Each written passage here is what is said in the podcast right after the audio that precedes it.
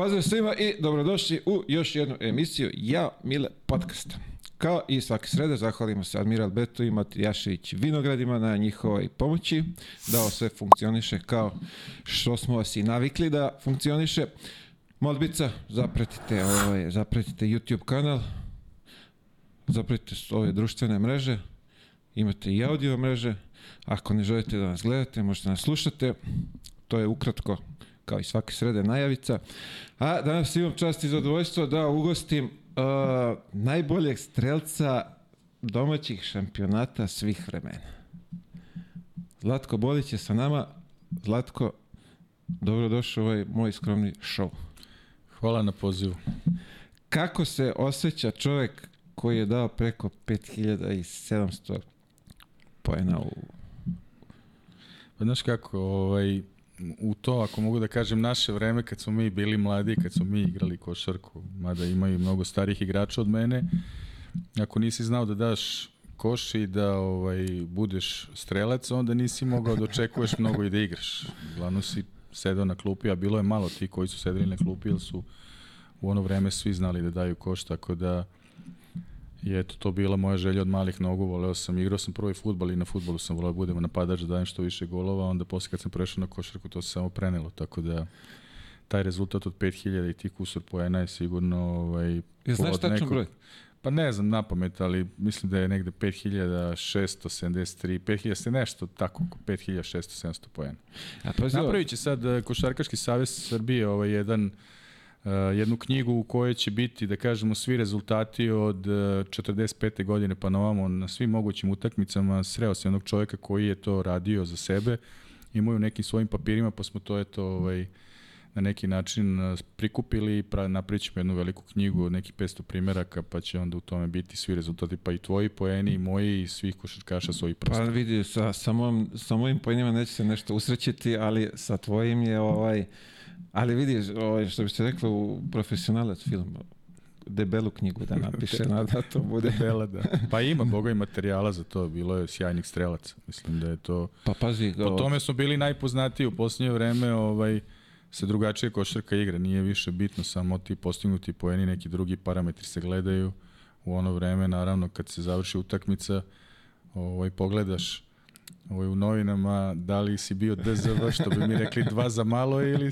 ili se javio kući, kako smo šali znali da kažem ovaj, novine su tad prenosili. Ono, I to je samo bilo po eni, nije bilo ni skoko, nikak druga statistika. Tako, skokovi su tek posle došli. Po, pa, skokovi, asistencije. Mislim, u, u moje vreme, ajde kažem, kad sam ja ovaj, počeo žurnal da, pa, da počela je statistika da, da se primenjuje pokojni trener Stepi, Stepandić Milovan iz Šapca, on je znao da kaže kao šta je statistika, kaže to je tačan zbir netačnih podataka. on je tako nas Dobra uvodio. formula. Pa jeste. Ja, što Dobra jest, formula. kad se pogleda malo bolje. Ajde, pa sad do, uh, da si negde preko u nekoj drugoj državi, mislim da bi se malo više ovaj pričalo o tom tvom uspehu koji si postigao. I vidi, najbolji strelac svih vremena ove, ovde naših domaćih šampion, ovih takmičenja treba i vremena i nije lako stići do toga. Pa dobro, ja sam u principu veći deo moje karijere igrao u Srbiji i to mnogo znači. Ja sam, da kažem, ta neka, ta neka generacija, odnosno pripadne to nekoj generaciji gde smo veći deo karijere provodili u domaćem prvenstvu, a posle mene i, da kažem, jedan deo moje, moje generacije je počela da odlazi preko i da igra ovaj, u inostranstvu, što znači da su tamo postizali te poene i pravili te rezultate, ali ako si ovde u, u, u Jugoslaviji, u Srbiji igrao mnogo već, veći broj sezona, imao si naravno više šansi da, da, te, da te brojevi povećaš. Pa ja znam neke koji što kažeš nisu izašli iz zemlje, ali ovaj nema ih ni blizu na, na ovaj na, u tim kolonama. Tako Ni, da, nisu dovoljno vežbali. Tako je, da. Nisu, o, oni su u stvari šuteri, a nisu pogađači. Znaš. Pa da, ono, mi u šali znamo da kažemo šuter psihopat. kako to bilo. I uvek višli igrači centri, ti to najbolje znaš, kaže šta vi bekovi uvek su lopti kod vas u rukama, nama uvek otpatke dajete. Tako, tako je, da, tako je, ako ćemo ali, iskreno, da. tako da. je, mi zavisimo od vas na vašu milostinju. Pa zato se sad izmisli ovaj MVP, ovaj, nagrada da bi centri nekako bili zadovoljni, centri mnogo lakše dolaze do tih MVP poena nego, nego bekovi, mada eto imao sam priliku da i jedne sezone bude MVP lige i najbolji strelac lige, što je jako teško u principu ovaj, za, za beka, odnosno za spoljnjeg igrača da to uradi, da bude i najbolji strelac lige i najbolji po MVP poenima. Što samo govori koliko si ti zapravo bio profesionalac i ozbiljan šuter. I...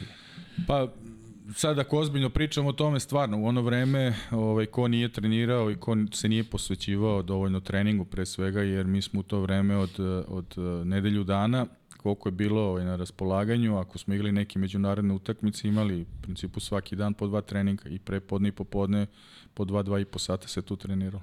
Što sad nije princip, odnosno što je sad skroz drugačije. Sad ima mnogo više utakmica, a mnogo manje treninga. E, mnogo smo u ono vreme bili spremni i mogli smo da, da ovaj, da kažem i kroz te treninge i popravimo formu i zalečemo neke povrede što nažalost igrači u sadaš, sadašnje vreme nemaju nemaju tu mogućnost i e, mnoge teže povrede se nažalost sada događaju za razliku od onog vremena. Bilo je onda ozbiljnih povreda, ali je bilo vreme da se to sredi. Sad su igrači malo onako više, ako to mogu da kažem, gladijatori, gde oni svaki drugi, treći dan imaju svoje utakmice, a vrlo malo imaju vremena za, za trening, uglavnom je to neki oporavak. Nama, je, sad... nama je trening u principu uvek bio uh, lakši nego utakmice. Svi smo čekali utakmicu. Na utakmicu pola nas nije igralo, a pola igralo, a ovi ostali su odmarali, ali trenizi, na trenizima nije bilo ovaj, sedenja na klupi. Mislim, znaš i sam kako pa, to... Pazi, je, sad kad baš to ispominješ, ovaj, bilo je neki moment kad, kad mi ono, bio, bio i strah da odem na trening. Ja znam kako će gaženje da bude, I onda ti ono ideš kao jebate, sad će ovaj dan se uhvati. Pogotovo ponedeljak i utrak. To su dva najgora dana moguće koje mogu da te zadese u košarci.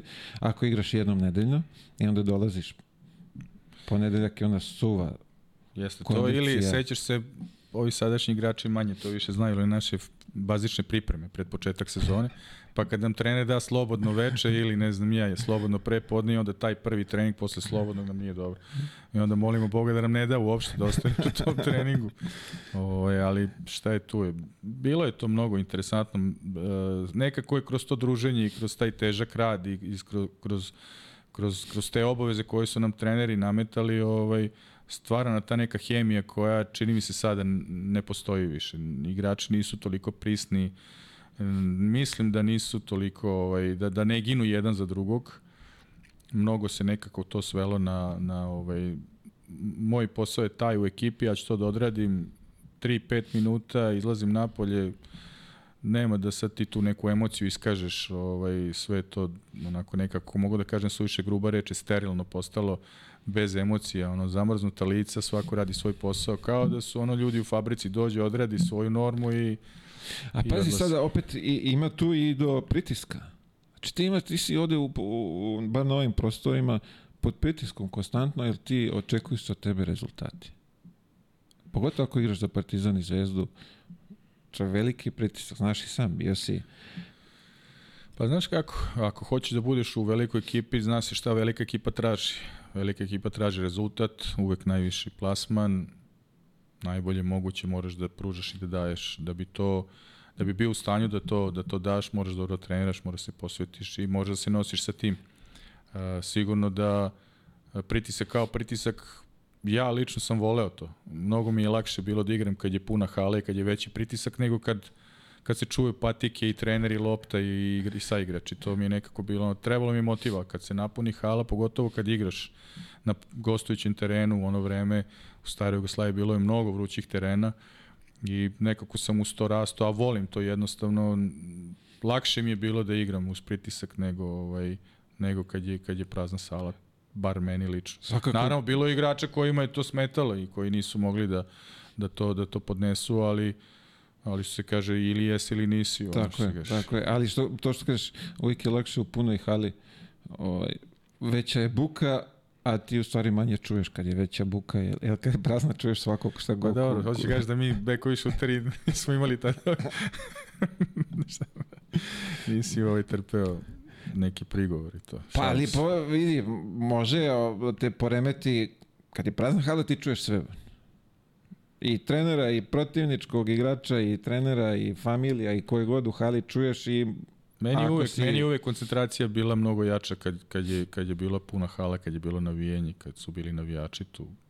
Ono, jednostavno, u- ubacim se u taj mod, kako vole da kaže ovi mladi, ovaj, taj mod i držiš koncentraciju sve. Međutim, posle bude jako velikog pražnjenja i fizičkog i emotivnog, pa nekad do posljednjih par godina karijere pa do 5-6 ujutru nisam mogao da zaspim, ono jednostavno buka ušima, ono ne čuješ ni sam sebe, ono, sedim, gledam televizor, svi odu da spavaju, a još ono što se kaže vrtim kanale i tek negde oko 4-5 ujutru odem na spavanje posle takvih utakmica. Ali evo sad nemam taj problem. sad ležem na Sad Pa drugi- sve to ima svoje. Znaš kako, ovaj. sad imam drugi problema, ne, Da, ovaj, da. I, i ne spavam do kasno. Nema zbog- problem, ja stvarno, ovaj, ono što mi je ostalo, ti isto znaš kako je to izgledalo, ono, svi su mi ustali negde oko 9, pola 9, 9, pa onda oni trenizi od 10 do 12, pola 1, pa ručak, pa onaj obavezan odmor, jedno sat i po dva popodne, pa onda opet trening od 6 do 8, 9 ili od 8 Čekaj, si 10. voleo da dremneš po, posle ručka malo? E to upravo hoću da ti kažem, znači dan danas mi to ostalo, znači posle ručka sat, sat i po vremena, dva, Mora malo to, da- to, Što i rekao, dan padne danas. pritisak, Pa to mora mora malo da se od, o, o, ovaj, otkunja. Pazi, meni se dešavalo, pogotovo zimi, ono, posle ručka odspavaš i budite telefon, mrak, ne znam gde se nalazim, da li je jutro, da li je, kak, gde treba da idem, baš je ono, dešavalo je par puta bilo ti konfuzi situacija, ono, treba par minuta dok ne dođem sebi da, da, da, da znam Ali te trening vrlo brzo razbudi, posle pola sata. Već vidi, tu je onda i frka, tu je i frka da li kasnim, znaš. Pa onda, znaš, To, to je bila neverovatna odgovornost u ono vreme. Ono što kaže jedan moj pokojni prijatelj, ovaj, bio je doktor i meni ovaj, u ekipi i, i u reprezentaciji Jugoslavije, onoj staroj i sve. Doktor Pele, Pera Vermilić, kaže, on je meni znao, kaže, kaže, ti si na sve mogu da zakasniš, samo na svoj trening nisi. I stvarno je tako bilo kad sam ono sagledao malo stvari, nigde nisam ovaj, dolazio na vreme, uvijek sam kasnio sem na trening. Tu sam uvijek dolazio na vreme. Vidi, To je bilo ono svetinje, mislim. ali pazi tu, tu, aj, aj, Tu nisu bile u pitanju pare ili ne znam ja, znači to je, to je tako neko vaspitanje bilo od malih nogu, znači moraš da dođeš da bi se pokazao da budeš bolji od ostalih ili da budeš među najboljima, jer onda možeš da očekuješ i da igraš i da imaš privilegije i sve, a sada po meni je to, mislim Pazi, da se ja, to promenilo. i, iz svog iskustva ja sam imao strah da zakasnim. I zakasniš na trening, pa to je, Sramota. ne znam šta da, Sramota. znaš, to je ono kao, ne znam šta da si uradio, to je kao užas. I onda trčiš, juriš voziš ko blesav da bi stigao tamo, možda izgineš, ali kao na trening ne da se zakasni. Sve se pa A ne. je, okej, dobro, tako smo To je uvijek u policiji da. prolazilo, evo kasnije na treningu, pa gde treniraš, pa tu, e, super, ajde po, požuri, kao ne Dobro je samo da nije pratnja, evo sad ćemo ti Jeste, pomoći. jeste, da. da, da. Ima jedna zanimljiva priča za to, ali možda drugom prilikom. Uh, reci mi ovako, sad uloga tvoja u Savezu je, sam ne dobro razumio, generalni sekretar, tako? Da, evo već tri i po godine sam generalni sekretar.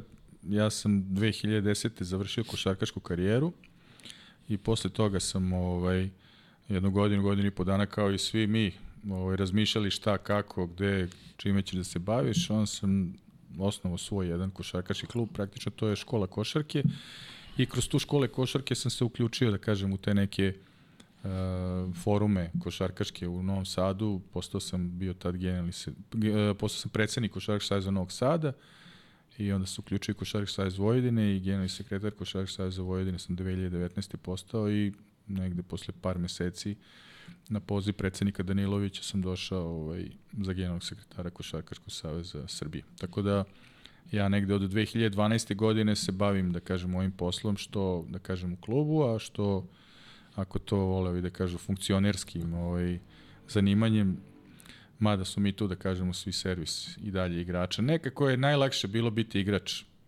Tvoje je bilo dođeš da treniraš, da slušaš, da, da radiš svoj posao, a svi su misli za tebe, a sad ovde u ovoj ulozi je skroz drugačije. Ovde sad ti razmišljaš o, svim, o svemu i svačem. A, a i sad ovako, šta je zapravo tvoja uloga? Pa prvi operativac, znači sve, sve što se radi u Košarkaškom savezu Srbije, a tamo ima mnogo segmenata, znači od muške košarke, ženske košarke, sektora za takmičenje, 3x3, e-košarke, uh, Izvini, odnosi sa e-košarke. FIBom, pa to je, da kažemo, novo nastalo, novi nastali sektor vezano za ove video igrice, to sad FIBA isto promoviše u posljednje vreme. Se jebaš, imamo i Oz, to. ozbiljni budžeti se tamo okreću, to će tek biti, da kažemo, ovaj, Vidi, znam ono za pucnjavu, a ono ne, rokanje. ne, to će nisam... biti NBA 2K, u principu to je ta video igrica i to se igra. To bi trebalo FIBA sad ponovo da neki ugovor I to ide pod savez isto. Pa mi smo to u statut uneli pre tri godine, jer smo od FIBE dobili nalog da to, tako da smo i za to nadležni. Tako da ima, da kažem, mnogo, mnogo, mnogo posla. Ja kao generalni sekretar u principu sve te stvari koje su vezane za Savez i Olimpijski komitet i Ministarstvo sporta i sama država i da kažem FIBA i sve te međunarodne organizacije, svi ostali, da kažem, nacionalni granski savezi, svi sektori koji postoje prolazi kroz moje ruke. Ono što se kaže, naravno, uz predsjednika Danilovića i upravnog odbora koji to ovaj, vodi, taj savez, ja sam tu neko koji sve te naloge, odluke upravnog odbora sprovodi u delu i kontroliše, to sve bude kako Jasno. treba. Jasno. Ono, radno vreme je ujutro od 9, ja sam uvek malo ranije, pola 9, navikao sam. Što kažem, tamo u Novom Sadu sam i ranije dolazio na posao, mi smo od 8 tamo, kaže, ono, Vojvođani uvek malo luđi, da, udarnički i do 4, pola 5, 5, kako kad, zavisnosti, ono, svaki dan. Je, sad, Plus izvini, vikendi ba- kad imaš te neke obaveze. I kad ima akcije neke, da. A pazi, evo sad spominješ šta je e-sport. Malo pre si spomenuo da joystick nikad nisi držao, da ne znaš vezano za igrice sa, sa decom. Kako će vi selektujete sad, sad te, ko će To je vrlo te interesantno. Mi smo kao Košarkaški savez nabavili te konzole, kako oni to kažu, ovaj partiji konzola.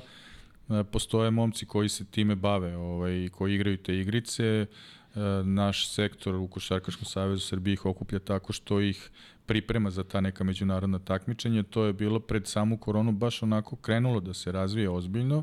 Tu su Rusi najbolji, Rusi imaju, da kažem, ozbiljne igrače i njihovi igrači tu su ono, number one, što se kaže u svetu. I ovaj, bili smo učestvovali na dva, mislim da je bilo jedno evropsko i jedno svetsko prvenstvo. Onako bili smo među deset tih ekipa s obzirom da nismo nešto bili toliko dobri, ali ovaj, to je sport koji je u povoju nešto slično kao što je, da kažemo, 3x3 basket kad se pojavio pre 13-14 godina. Ovaj, zahvaljujući ovim našim momcima, sve je to bilo onako, je, basket su ulice, ali evo vidiš, to je sad olimpijski sport. Ja tebe razumem sve. Tako da će to basket je biti- živa da. igra. Pa i ovo je isto, to, to imaš ekipe, imaš ovaj, sastavljeno je od pet momaka koji igraju pet na pet tu igricu, svako ima svog lika u tome pet i pet. pa da igra Pa se. imate selektor. Pa selektor je još uvek još uvek je ovaj kako se zove ono tražimo ga. Šalim se. Ja predlažem, Nije- evo, nije da ga pošto te. Joca dovezo da Joca bude ovaj selektor. Da. Joca može. Joca Ali mislim bude da Joca selektor. ne zna ni šta je stara garda kao i ja. Ovaj, mislim, jeste malo smešno, ali je vrlo interesantno. Ja kad bi ti pričao koliki su tu budžeti, ovaj, To znam, to, je- sam u- upoznat to je sa tim, ali sam mislio da je to zove Pa pucačina, evo, ne... samo, ne, ne, ne, znači samo isključivo košarka, ovaj NBA, NBA 2K, ta video igrica se igra na, na tim prvenstvima koje FIBA organizuje. Strašno. Mislim, meni to, evo sad. Pa Ne. sami znaš koliko ove IT kompanije imaju, Meni imaju jasno budžete da, ja koji su posljednji to... put kad sam igrao NBA, on iskače do plafona, meni, meni to nerealno. Ne znam da li to nešto se ovaj, na, po, poboljšalo sad, ali... Posljednji put kad sam igrao, ja sam bio na, na, na igrici, tako da, Da. vidi, o, ta, to je Da. prošlo oko Pa evo, 15 godina. ovako možeš da se vratiš da probaš, da se spremiš, daćemo ti jednu konzolu da... Ne, ne treba mi to, meni dajte tu selektorsku poziciju. A to? Selektorsku, jel dobijaju oni ove penzije posle ako osvoje?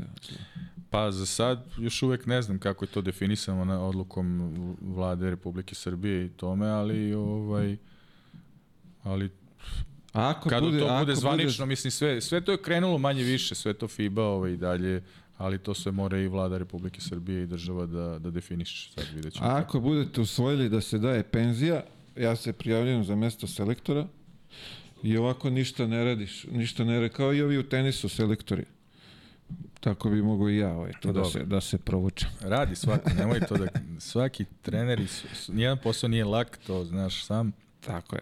Šalim na Ako stranu, se baviš ozbiljno, naravno da je tu mnogo ne vremena. pocenjujemo nikog, Da. šalimo se, ovaj, naravno, nije ništa lako, znaš i sam, znam i sam, evo i ovdje isto, znojimo se, pričamo, ali na kraju ovaj, ispadne to zanimljivo.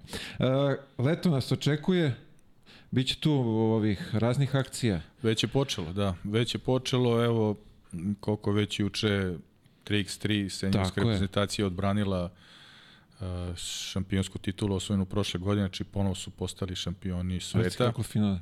Dobili su Amerikance, vrlo zanimljivo finale, ne znam da li si gledao i si Pa gledao to je, Ne, to je stvarno se- čudo. Taj sport je postao toliko popularan, stvarno zaslužuje da bude na olimpijskim igrama. E, mi imamo tu veliku sreću, da kažem, i čast i zadovoljstvo da su, da su mnogo naših dobrih igrača ovaj, uključeni u to i da ovaj, pravimo od, od, od tog sporta na globalnom nivou ozbiljnu priču, prevashodno zahvaljujući Srbija, Srbiji i srpskim igračima i naravno našem košarkaškom savezu, ne sad što sam ja ispred njega, ali ovaj, uh, i evropski i svetski prvaci smo trenutno. E sad fali nam ta, ta olimpijska zlatna medalja, imamo to, tu ovaj, bronzu iz Tokija. Nadamo se da ćemo sledeće godine na olimpijskim igrama u, u Parizu i doći do tog zlata, pa da kažem da zaokružimo celu tu priču. Radimo na tome da podignemo i ženski ovaj deo 3x3-a i to nam je jako bitno. Devojke se spremaju trenutno u Novom Sadu za kvalifikaciju Kostanci koji imaju za, za ovaj, evropsko prvenstvo u 3x3 za žene. Naravno, obraćamo pažnju na mlađe kategorije i imaju određene pripreme i te selekcije mlađih kategorija kako muških, tako i ženskih. Ono što nam dalje sledi to su, da kažem, aktivnosti seniorske ženske reprezentacije, ima evropsko prvenstvo koje je u uh, Sloveniji i Izrael, odnosno naša grupa je u Ljubljani od 15. juna do 25. Branimo evropsko zlato osvojeno u Valenciji pre dve godine.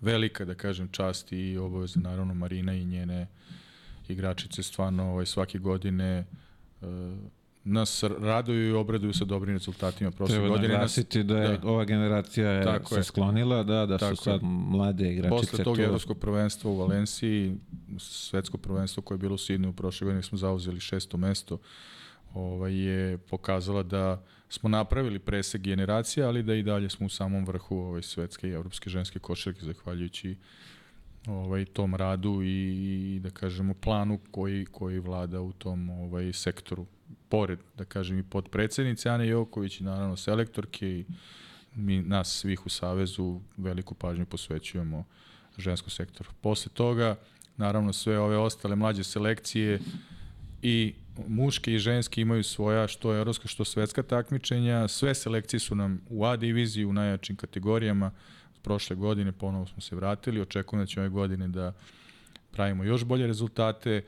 Od 22. jula do 30. nam je juniorsko evropsko prvenstvo koje smo domaćini organizuje se u gradu Nišu, gde ćemo okupiti 16 najboljih e, reprezentacija, spremamo se za to i naravno ono što je kruna ovog leta, to je svetsko prvenstvo u Manili od 25. augusta do 10. septembra, seniorsko muško prvenstvo gde očekujemo i nadamo se, naravno ako svi ovi naši igrači, jer još uvek neki igraju, ovaj, budu zdravi i sposobni i nadam se i očekujem da ćemo naravno u sve ove naše vrhunske igrače okupiti tu reprezentaciju, selektor Pešić, ovaj, koji je tu stari lisac i koji, sa kojim smo poslednji osvojili to uh, svetsko ovaj, zlato, da ćemo imati kvalitet, znanje i, i, i snage da donesemo jednu od medalja sa svetskog prvenstva u, u Manili. Tako Boga da su prošlo to... je 20 godina. od Tako je. Tako. Tako je. Tako da je to, 21. eto, to je neki plan. Naravno, mnogo je tu ovaj, obaveza, mnogo je tu, ovaj, kako se zove, uh, aktivnosti. Sigurno da imamo veliku pomoć, naravno, svojih poslovnih partnera Košarkaškog saveza Srbije, da ih ne navodim sad, da ne pravim reklamu i naravno država mnogo pomaže sa sa, sa svoje strane, što finansijski, što organizacijono, tako da imamo odličnu saradnju i sa uh, Ministarstvom sporta, Vladom Republike Srbije i naravno sa Olimpijskim komitetom koji je uključen u sve ove aktivnosti Saveza vezano za olimpijske cikluse, odnosno za kvalifikacije za pripreme za sam odlazak na ovaj na olimpijske igre sledeće godine. A, recimo sad ovo, spomenuo ste te mlađe kategorije, a Krstić je bio ovde, a i ono neka moja sa, saznanja što imam. Kako ti gledaš na to što ti klinci 15, 18, 19 godina odbijaju te nastupe da, da se pojave za nacionalni tim? Pa mi kao Košarkaški savez Srbije imamo instrument ovaj, da se borimo protiv toga, ali nažalost nikome u savezu nije u interesu da neko to oseti na svojoj koži. U smislu svako kada postane član Košarkaški savez Srbije, kad potpiše onu pristupnicu, kad postane igrač, ima obavezu da se javi pozivu reprezentacije Srbije. Naravno, Mogu da se dogode povrede, bolesti ili neki drugi razlog, ali e, postoje dosta kalkulacija i dosta tih nekih ovaj, drugih e, razloga zašto se igrači ne pojavljuju. E, trudimo se da naravno uz najnormalniju komunikaciju i sa klubovima i sa decom i sa roditeljima te dece koji su potencijalni reprezentativci potencijalni igrači tih naših mlađih selekcija, da nađemo zajednički jezik i da objasnimo da igrati za reprezentaciju je nešto što je najvažnije i što je najbitnije i da to nema cenu.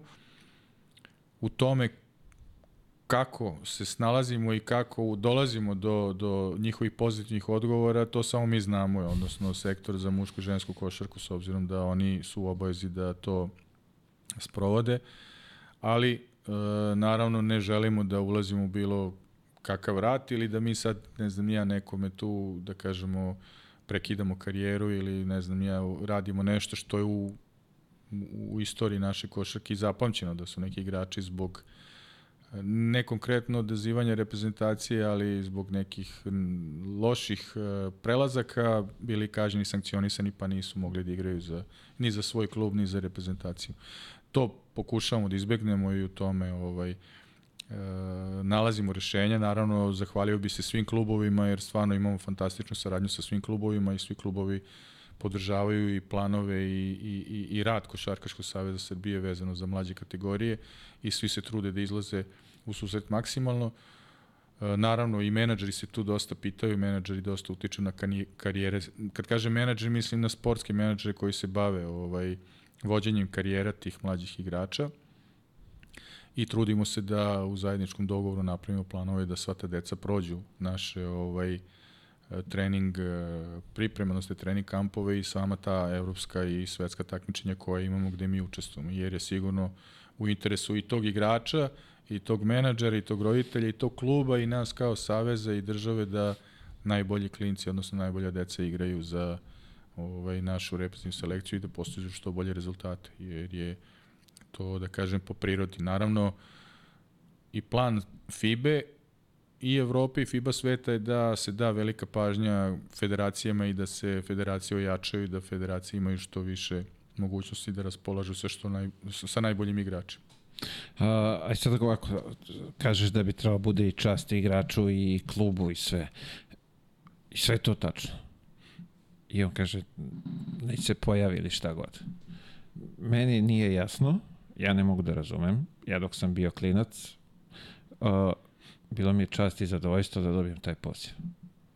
Nikad mi niko nije rekao nemoj da ideš, ne treba da ideš ili preskoči ili šta ali vidim da se to sad ovaj, često dešava, a vi opet kažete nećete nikom da a, narušite karijeru, a neki model koji bi, ne znam pa, kako druge zemlje ra razgovor, rade. Ka... Razgovor i diskusija, naravno, i, i neću kažem ubeđivanje, to je suviše gruba reč, ali jednostavno e, pokušavamo da nađemo najbolje rešenje za jednu i za drugu stranu. Naravno, Nama nije u interesu da neko dođe u reprezentaciju i da bude nezadovoljan sve vreme. Znači, samo ako ti je jedan igrač u ekipi nezadovoljan, to može da ra, raštimuje ceo, ceo tim. Ali ovaj, trudimo se da svi momci koji su da zovu, svi koji dođu da budu maksimalno posvećeni radu, rep, ra, radu reprezentacije. Svi, i, ostali, I ostale federacije imaju taj problem. Nismo mi samo ovaj, drugačije vreme, skroz su drugačije razmišljanja, uh, drugačiji ti momci razmišljaju, odnosno ta deca, sam pogled na tu reprezentaciju, ono u čemu greše, ono što, što, što mi vidimo i što pokušavamo da objasnimo, da oni su više rano, hoće sve i odmah. Znači, sa, sa 15-16 godina, ne samo oni kao oni ovaj, igrači, nego i roditelji nekad i menadžeri ovaj, pokušavaju da ta deca sa, ne znam ja, 15-16 godina imaju sve ja sam počeo sa, sa 13 i po godina da treniram košarku i mnogi moji vršnjaci ja nisam napravio toliko veliku karijeru kao neki moji saigrači koji su igrali i u NBA-u i u evropskim, i evropskim ozbiljnim ekipama i na, na mnogo većem nivou od mene pa su počeli sa 14-15 godina da igraju, pa su igrali do 22. treće, niko nije imao ni auto, ni stan, ni telefon, ni kompjuter, ništa, jednostavno to im je bilo ono što se kaže obaveza da se trude da rade, da ulaže u sebe.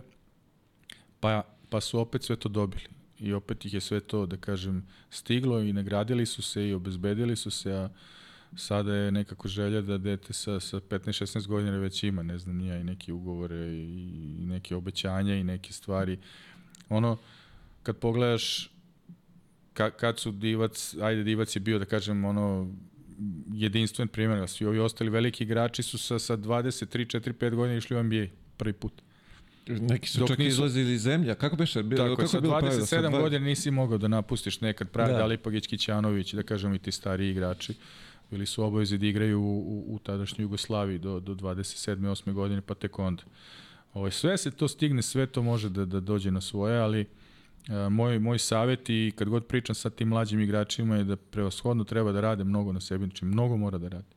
A svi misle da će uz malo rada ovaj, dobiti sve to i da samim tim, ono što se kaže, manje ću treniram, ali ću više da igram utakmice, pa ću ja biti neko. Pa ne možeš da igraš dobru utakmicu ako ti ne radiš na sebi. Evo, imam e, mnogo kontakata sa ostalim federacijama i znam kako rade ovi veliki klubovi po, po, po Evropi. Tamo deca su po, po 6-7 sati u, u salama i treniraju. Rad, rad, rad, rad. Kad postaneš senior, onda je to skroz druga priča, tada si ti već sebe izgradio.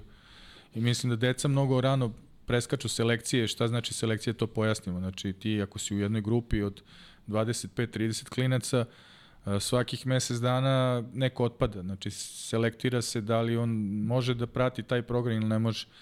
E sad, mnoga deca se ne selektiraju na vreme i prolaze misleći da su stvarno vredni i da su dobri, a onda kada dođu u prvi tim nekad budu i neobučeni i nedovoljno spremni za taj prvi tim i onda se i razočaraju i nestanu posle toga svega. A ima još mnogo liga gde oni mogu da igraju, gde mogu da ovaj da pokažu taj svoj talent, pa nekad neki igrači su uh, kroz neke manje klubove dolazili do Zvezde Partizana, kasnije reprezentacije i odlazili u velike evropske i svetske ovaj, klubove. Nije nije, kažem, karijera od jedne godine, karijera možda traje 15-20 godina. Ja sam, recimo, s, davne 1990. počeo da igram profesionalno za prvi tim do 2010. 20 godina sam igrao, da kažem, ovaj profesionalno košarku.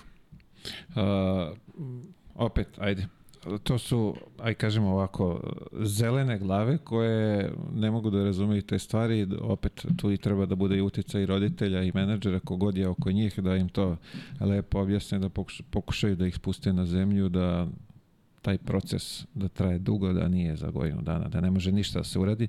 Tako da, mislim do njih je, ali treba bude čast i obaveza da svakom ko, ko dobije poziv za reprezentaciju da ide tamo što bi se reklo da se šutira u dupe od sreće ovaj, što, što su ga pozvali. Ali dobro, ta, ovaj, nove generacije verovatno drugačije razmišljaju nego što smo mi razmišljali pre, tako da možda su pravo, možda, možda mi pogrešno razmišljamo.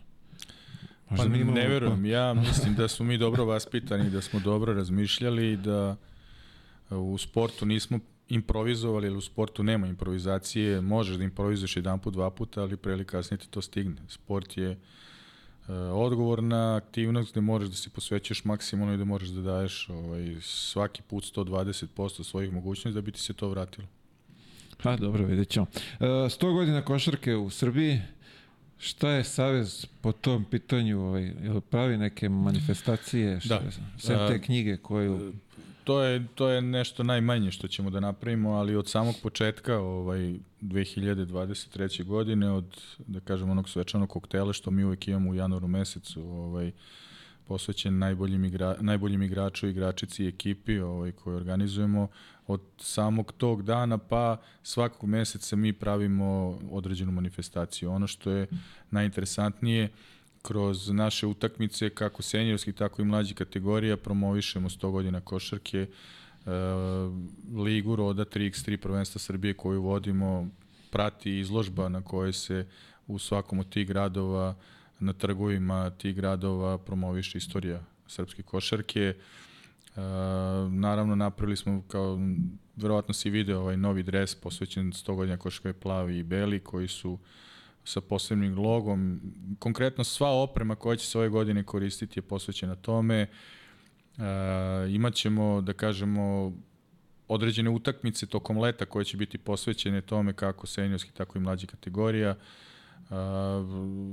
prav, napravit ćemo, da kažemo, veliku svečanost 12. decembra u, u MTS dvorani bivša bivši bioskop. A, kako beše, da, znamo čemu pričaš. Na trgu Nikole Pašića. Tako je, da. E, Tamo će biti, da kažemo, ona centralna proslava gde će biti pozvani svi viđeni ljudi kako ove naše zemlje, tako i iz regiona i sveta, iz Amerike naravno pre svega, ovo, iz FIBE, sve ono što, što, što, što zna košarka. I mnogo tih nekih dešavanja mi smo ovaj, promovišemo i promovisat ćemo i sa određenim velikim billboardima i u Beogradu i po Srbiji, taj jubilej. Uh, mislim da nam je to, to veliki cilj. Uh, u planu nam je, to naravno mnogo zavisi od pomoći države, napokon da krenemo da gradimo taj nacionalni trenažni centar koji treba da bude iznad hale Nik Aleksandar Nikolić, gde ćemo mm -hmm. nekako dobiti svoj dom, gde ćemo imati svoje hale za treniranje, odnosno terene i tu smo i planirali da jedan mali muzej napravimo u toj u tom kompleksu, tako da idemo ka tome, radimo na tome, mislim da ćemo imati uskoro i, i konkretne informacije po tome. Što se tiče Saveza Srbije, s naše strane sve je urađeno, sad, što kažemo, samo još država da se, da kažem, još malo posveti ka tome, a imamo informacija da će i to biti, tako da sve ide ka tome. Trudimo se na svim utakmicama, kao što sam malo pre rekao, se ne ponavljam puno, da Uh, pred početak utakmice postavimo one postamente gde se obeležavaju, ovaj, obeležava taj jubilej uh, u saradnji sa lokalnim samoupravama, sa određenim nekim drugim institucijama promovišemo 100 godina košarke i podsjećamo ljude da je to jedan veliki jubilej i košarka to, to i zaslužuje. Tako da ovaj, u kralju Petar I je tu isto s početka ove godine bila jedna velika manifestacija gde je prvi put košarka i zaigrana ovde u Srbiji. Gde je bila napravljena izložba, naravno sa ovaj, starijim, ako to mogu da kažem, košarkaškim radnicima koji su to organizovali i naravno direktorom te škole. Napravljena je ta svečanost i izložba i da kažemo jedna priredba gde je to sve bilo onako fino prikazano, ali ono, Košarkaški savez Srbije kao što, što sam i rekao malo pre pravi, ajde da kažem monografiju 100 godina košarke, sa službenim glasnikom napravit ćemo određeni broj primjeraka koji ćemo ovaj, i prodavati i deliti, da kažem, ljudima i ova knjiga o čemu smo ti ja pričali na početku, sve utakmice, svi rezultati od 45. pa na ovamo, tako da mnogo toga će biti, to je samo jedan deo, ali svaki, svakog meseca imamo neku određenu aktivnost koja je posvećena ovaj, Divno, lepo. Da. Košarka, ne znam da li si primetio, si skoro bio na aerodromu, kada se sa aerodroma izlazi, ima veliki billboard gde, gde stoji promocija košarke, to će stojati na, da kažemo, skorom cele godine, gde su Radivoj Korać i Nikola Jokić na njoj uz jedan prigodan tekst. U toku ove godine ćemo menjati da ne bude samo da su to dva najvažnije igrača u našoj istoriji, bit će tu mnogi ostali ljudi spomenuti i da kažem promovisani kroz kroz te ovaj kako se zove reklamne panoje i billboard. Divno, svaka čast. 100 godina, ajde kažemo, zaslužili smo i kao država, nacija, jel tako, mi smo nebeska sila. Jedan ovaj, od najtrofejnijih sportova u svakom, u svakom slučaju. Tako je, ovaj, bilo bi lepo da to što više i što jače promovišete ovaj, da se osvesti malo i ta mlađa generacija da budu svesni, pored ovog svega Nikola što radi, da, ovaj, da malo vi kao savest to pogurate da to izgleda još kako bi to nazvali, impozantnije, jel da to da. bude predstavljeno na što moguće moći. Uh, ovako, imamo li informaciju spiska reprezentacije? To je na selektoru. Jo, još je rano, da, još je rano, reprezentacija će tamo da se skupi, da kažem, uh, pred kraj uh, juna, početkom juna jedan deo, drugi deo ono u, u zavisnosti od uh, dozvole Evrolige, odnosno NBA-a vezano za onih 28 dana gde svaki... E, to, ajde, da, 28 dana uh, sa takmičenjima. Smo, jesmo tako, tako, da, tako sam razumeo. Da. Znači, NBA igrači uh, mogu da igraju, budu u reprezentaciji 28 dana zaključno dostupni, dostupni, da. dostupne. Da. Znači, u timskom radu i u svim tim stvarima. Mogu oni da se spremaju individualno da. sve, da. ali ne sme da ne mogu da ovaj da budu znači, prisutni. Znači bukvalno ako gledamo finale 10. septembra nazad 28 dana. To je sve što lupam Nikola ako ako se odazove i to pa je i Nikola i da kažem i svi ovi ostali Bogdan i Pokuševski. Tako je, bravo, Pa da. čak i ovi evro evroligaški igrači, oni će imati tu određeni isto. Ja sad tačno ne znam napame da ne da ne dam pogrešnu informaciju, ali tu postoji određeni ovaj neki broj sad gde se spominje zbog ovaj, te neke njihove regulative. Jasno. A poznavajući selektora, on bi krenuo prvo selektor, juna. Selektor, naravno, stara garda. Kari Pešić je jedan sjajan selektor, odličan trener koji uh, je on onog starog kova koji voli da trenira mnogo. Znam, naravno da se igračima, znam. naravno da se igračima to ovim mlađima mnogo ne sviđa, ali znam, ima ali sam bez, iskustvo. Da, onda sve znaš. Da, da, znam kako funkcioniše, da ti kažem, on bi krenuo 1. jula, da, Jeste. juna, da može ovaj da to sve bude ovaj da postigne formu do do početka prvenstva. Da, ono što nam stvarno, ja moram sad da, da, da, da se zahvalim, ovaj, što sama Superliga će se potruditi da ovaj, što ranije završi svoje obaveze da bi svi ti igrači bili ovaj, dostupni selektoru, a i da imaju vremena da se odmore malo pro, posle naporne sezone. Aj kad si spomenuo Superligu, molim te, reci mi tvoje viđenje KLS lige. Mislim, ne spada pod savez, možeš odmah da se ogradiš da... Ovaj, ne, nema ali... šta da se ogradi. Mislim, uh, svi mi to znamo da postoji sporazum između Košarkaškog saveza Srbije još odavno potpisan i udruženje klubova Košarkaške lige Srbije. Znači, to su klubovi prve lige, njih ima 16, plus ovih pet klubova koji učestvuju u ABA ligi. Uh, ove godine je stvarno veliki problem nastao samim tim kalendarom ABA lige koja je po meni to pomerila i pomerala uh, pokušavajući da svima izađe u susret. Znamo da je Partizan ove godine bio na korak od plasmana na Final Four, što je jedan veliki rezultat za sve nas u Srbiji, naravno i za, ovaj, i za sam klub kao Partizan i Crvena zvezda koja u Euroligi isto imala dosta obaveza.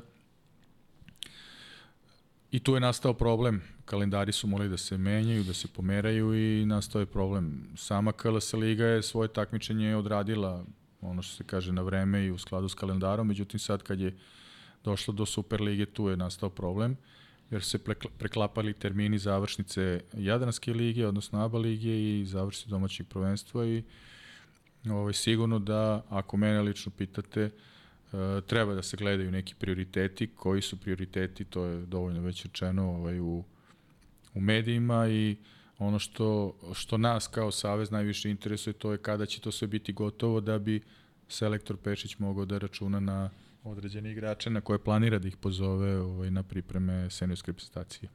Ima li neki naznak kada će Savez da uzme tu ligu pod svoje, da to vrati u svoje, pod svoje kišobran, da kažemo da to na, na nešto liči? Pa, kvalitet postoji, ne možemo da kažem. To, to je sad, hteli mi da priznamo i ne, to su najbolji igrači, najbolje ekipe koje igraju, da kažemo, prvu ligu, pored ovih pet koji su u toj ABA ligi. Pitanje je samo kako gledati na tu ABA ligu i kako jačati domaće prvenstvo. Ja znam meni je lično, meni je lično uh, mnogo jače da, da sve ekipe iz ABA lige igraju domaće prvenstvo, da bi stvarno imali mnogo jaču ligu. Apsolutno.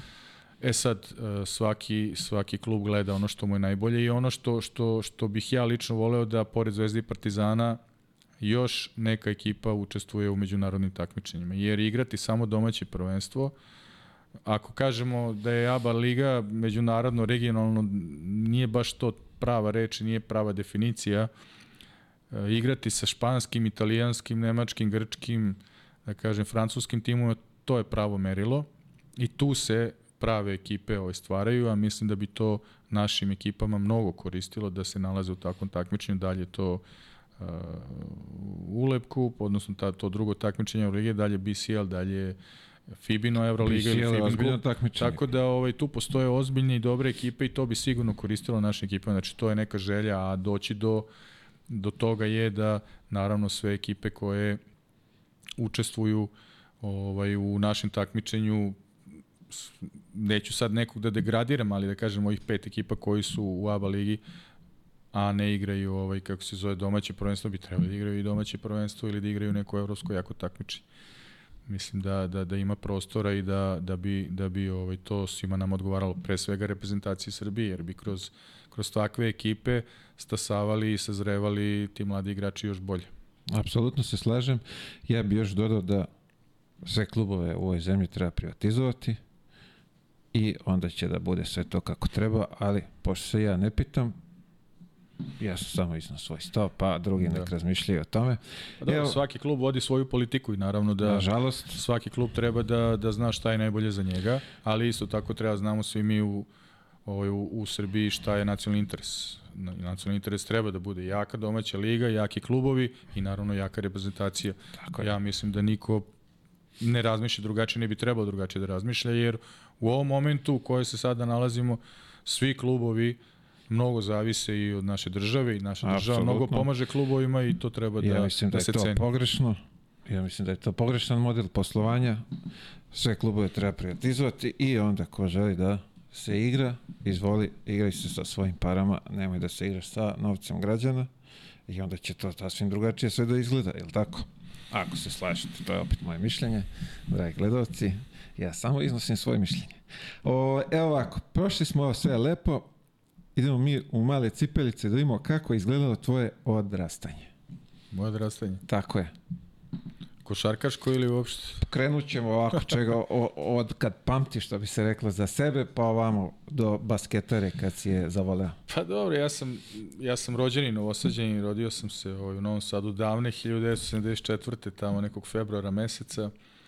I ovaj, nekako ceo moj život je bio vezan za sport u ono vreme kad, od kad se sećam, da kažemo, tih dana pred samo to neko zabavište, tih, tih 3, 4, 5, 6 godina, šesta kad sam krenuo u zabavište, pa posle osnovna škola i srednja škola i posle srednje škole je krenula ozbiljno se igra košarka, sam bio na ulici, što se kaže, kao i sva deca, ono, rasli smo uz ovaj, uz sport, u to neko druženje, ako si hteo da se družiš, morao si da odeš na neki otvoren teren, Ili bar da Ovaj, izađeš ispred kuće ili zgrade. bar da, i- pa misli, znali smo gde smo se družili u ono vreme, kao sada, ovaj, deca idu pa uče da plivaju, pa im roditelji plaćaju časove plivanja. Mene su naučili tako što me ujak moj odveo na Dunav i sa svojim društvom bacio dva puta, počeo se davim i posle... Hteo, ne hteo. Pa hteo ne hteo, proplivo sam. Tako isto sam i košarku uz njega i da kažemo to njegovo društvo i taj neki ovaj otvoren teren koji se zove košarku, otvoren teren Partizana, jel taj klub, to odakle sam ja,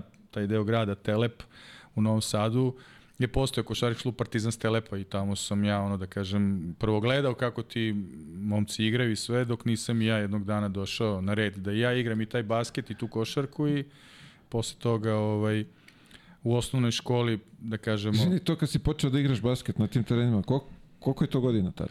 Pa ja sam imao, da kažem, nekih 12-13 godina. Pre toga sam se bavio futbolom, trenirao u futbolskom klubu Vojvodina i ovaj, nekako u to vreme sam počeo i da rastem i tadašnji ovaj, trener Josif Ilić i, i Pantelić su kao rekli, kao, mali, ajde ovaj, da ti doneseš dve slike krštenicu, te registrujemo za golmana. Ja kažem, ja, a, ne znam da li znaš, ono vreme, znaš, ti, ti kad, si, kad igraš futbol, svi kružimo, svako dođe u jednom momentu na gol. ja sam bio onako malo krakati, rukati, što kaže, nisu mogli da me gol. I oni baš naišli ka, te registrujemo za golmana. Ja kažem, šta da radite, me registrujemo za golmana. Ja sam posle 2-3 dana prestao da igram futbol. Jer nisi mogu da igraš utakmicu, dok si bio registrovan. Ono što se kaže, ono vreme, dve slike, Da, krštenicu da, da, doneseš da, da. i onda I onda, ovaj, kako se zove... Toliko od tvoje futbolske karijere. Toliko moje fudbalske karijere. E sad, moja majka je posle toga radila svoje vremena u fudbalskom klubu Vojvodina i onda kad sam kao košarkaš, sad malo skačem i preskačem godine, dolazio tamo nju da posetim i tadašnji moji treneri koji su bili, oni kaže, vi da smo napravili pravi potez, otkrili smo te u košarku, pa si postao košarkaš. Tako da sam ono trenirao fudbal do 13. i onda sam kao i svi moji drugari da kažem na tim otvorenim terenima prvo počeo da igram basket, pa onda malo se družio s loptom. Moj deda isto bio svoje vremena uključen u, u žensku košarkaški klub Vojvodina, pa i u muški i onda pored njega sam malo i putovao sa njim ovaj, na te utakmice autobusom po celoj Jugoslaviji. Ono, gledao sam, bio sam da kažem maskota i, i ženskog i muškog kluba. I onda na tom famoznom Spensu svi smo ono počeli tamo da, da, da se zimi okupljamo, ali bi nije bilo mesta, da kažemo, zimi gde da se dalje, ovaj, da se igraš, sem da dođeš kući i da legneš da spavaš ono vreme. I u osnovnoj školi profesor, tadašnji moj Rad Geber, koji je bio u ono vreme ovaj, penzioner kao u školi, odnosno penzioner po pitanju košarke, ali je radio kao profesor od nastavnik fizičkog, On je inače bio poznati žen, e, e, trener ženske košarke, Mariju Vegir je trenirao i sve te ostale poznate košarkašice. Me prepoznao i ovaj, me poslao u Vojvodinu i tadašnji Zoran Mirković, moj trener, me je tad prihvatio i tad je krenula, da kažemo, to je bila neka, ajde da kažemo, 87. godina kad sam počeo treniram košarku u Vojvodini sve do 96. sam bio u Vojvodini, prošao sam sve mlađe selekcije, iz Vojvodine sam uh, dobio, da kažem, pozive i u kadetsku reprezentaciju Jugoslavije, i juniorsku reprezentaciju, i mladu reprezentaciju do 22 godine i posle toga 96. dolazim u Zvezdu i ono, da kažem... Krećem. Zadržat ćemo se vama još malo ovaj, u, u, u detinstvu. U, voši, u detinstvu, da. da. Uh, kad si ti, aj kažemo, zavoleo basket, kad si krenuo da treniraš redovno, konstantno, ovaj, si imao uzore neke, si ono, mašto, šta bi volao da, da dostigneš? Pa naravno, kao i, i svaki klinac u to vreme, ono, svima nama je manje više bio Dražen Petrović, da kažem, ono, divac, i ta ekipa koja, koja Toni Kukoč, Dino Rađa, mislim, ono, to, to su bili tada ono, vrhunski igrači na koje smo se mi ugledali i težili da budemo kao i oni. Što se tiče igrača s ovih prostora, što se tiče e, internacionalnih, naravno, ono vreme bio Jordan, bio je Pippen, bio je Magic Johnson i one, one prave, da kažemo, prave NBA velike zvezde, naravno, i posle toga je mnogo njih bilo dobrih, ali to je, to je ta neka generacija, ono, skupljali smo se pa smo gledali kasete, nije bilo tada ni toliko tih uživo prenosa, pa smo na tadašnjim košarkaškim kampovima koje su organizovali ovaj savezi, gde su mi kao klinci bili gledali te kasete tih NBA utakmica koje je bilo za nas ono wow. nepojmljivo ono, ko, koji su to fizikalci bili. Je, je, ono što smo tada mi zapazili da su u to vreme bili stvarno ovaj, fizičke predispozicije bile apsolutno do, dominantne u odnosu na, na neku evropsku i našu košarku, ali su zato bili ono tvrde ruke, kako bi mi rekli. Dosta su imali problem sa šutem, međutim Kamenci. to se sad, kamenci što bi se reklo. Da. Ali se to sad dosta promenilo, evo i Amerikanci su počeli ozbiljno da pogađaju. Postali su, boga mi, ozbiljni šuteri pa vidi, i šut ostali je, su fizikalci. Šut je ovaj stvar treninga, bar ovaj. Jeste. Pa sećaš se, boj, broj pokojni Boško Đokić, mi smo kod njega, koliko smo nedeljno morali, od, od 600 do 1000 ubačenih da imamo. Tako je, da. Ubačenih, ne šut, nego ubačenih. Ja e sad toga više nema i sad stalno se pitamo ovaj, kako to više nemamo, te dobre šutere. Pa ako hoćeš da budeš dobar šuter, moraš mnogo da šutiraš, mnogo da vežbaš. Šut je, kao i svaki ostali segment košarke vrlo bitan, znači hiljade i hiljade ponavljanja, kad dođeš u fazu da ne razmišljaš kako šutiraš, a da gledaš koš i da ta lopta kad je, kad je izbaciš iz ruke znaš da ulazi, onda si nešto uradio. Ali Sad kad si spomenuo Boška Đokića, setio sam se, imao je sveščicu i svaki igrač imao je svoju kolonicu i lupam, imao si nedeljno, mislim, hiljadu, ne znam koliko, I ti biraš da li ćeš hiljadu danas ili ćeš ono tokom tih pet dana sedne tamo, upiše koliko, sledeći koliko i... Jeste. Isto tako i kad nisi mogao da pogodiš, onda si trčao krugove, pa ti sabirao te krugove, pa ako ne, ne stigneš da ovaj, ja sam ovaj, završiš, da završiš njega, to za taj trening, on ti prenese sledeći trening, nisi mogao da se provučeš pa da ti nikome nije praštao, tako da je to bilo... I ja sam kod njega imao kao ne, neki ovaj, vid poštene, znaš, pošto sam tu spadao među starima u ekipom, ovaj, i onda sam imao i manji broj ovaj, pogođenih i sve te sankcije. Jeste.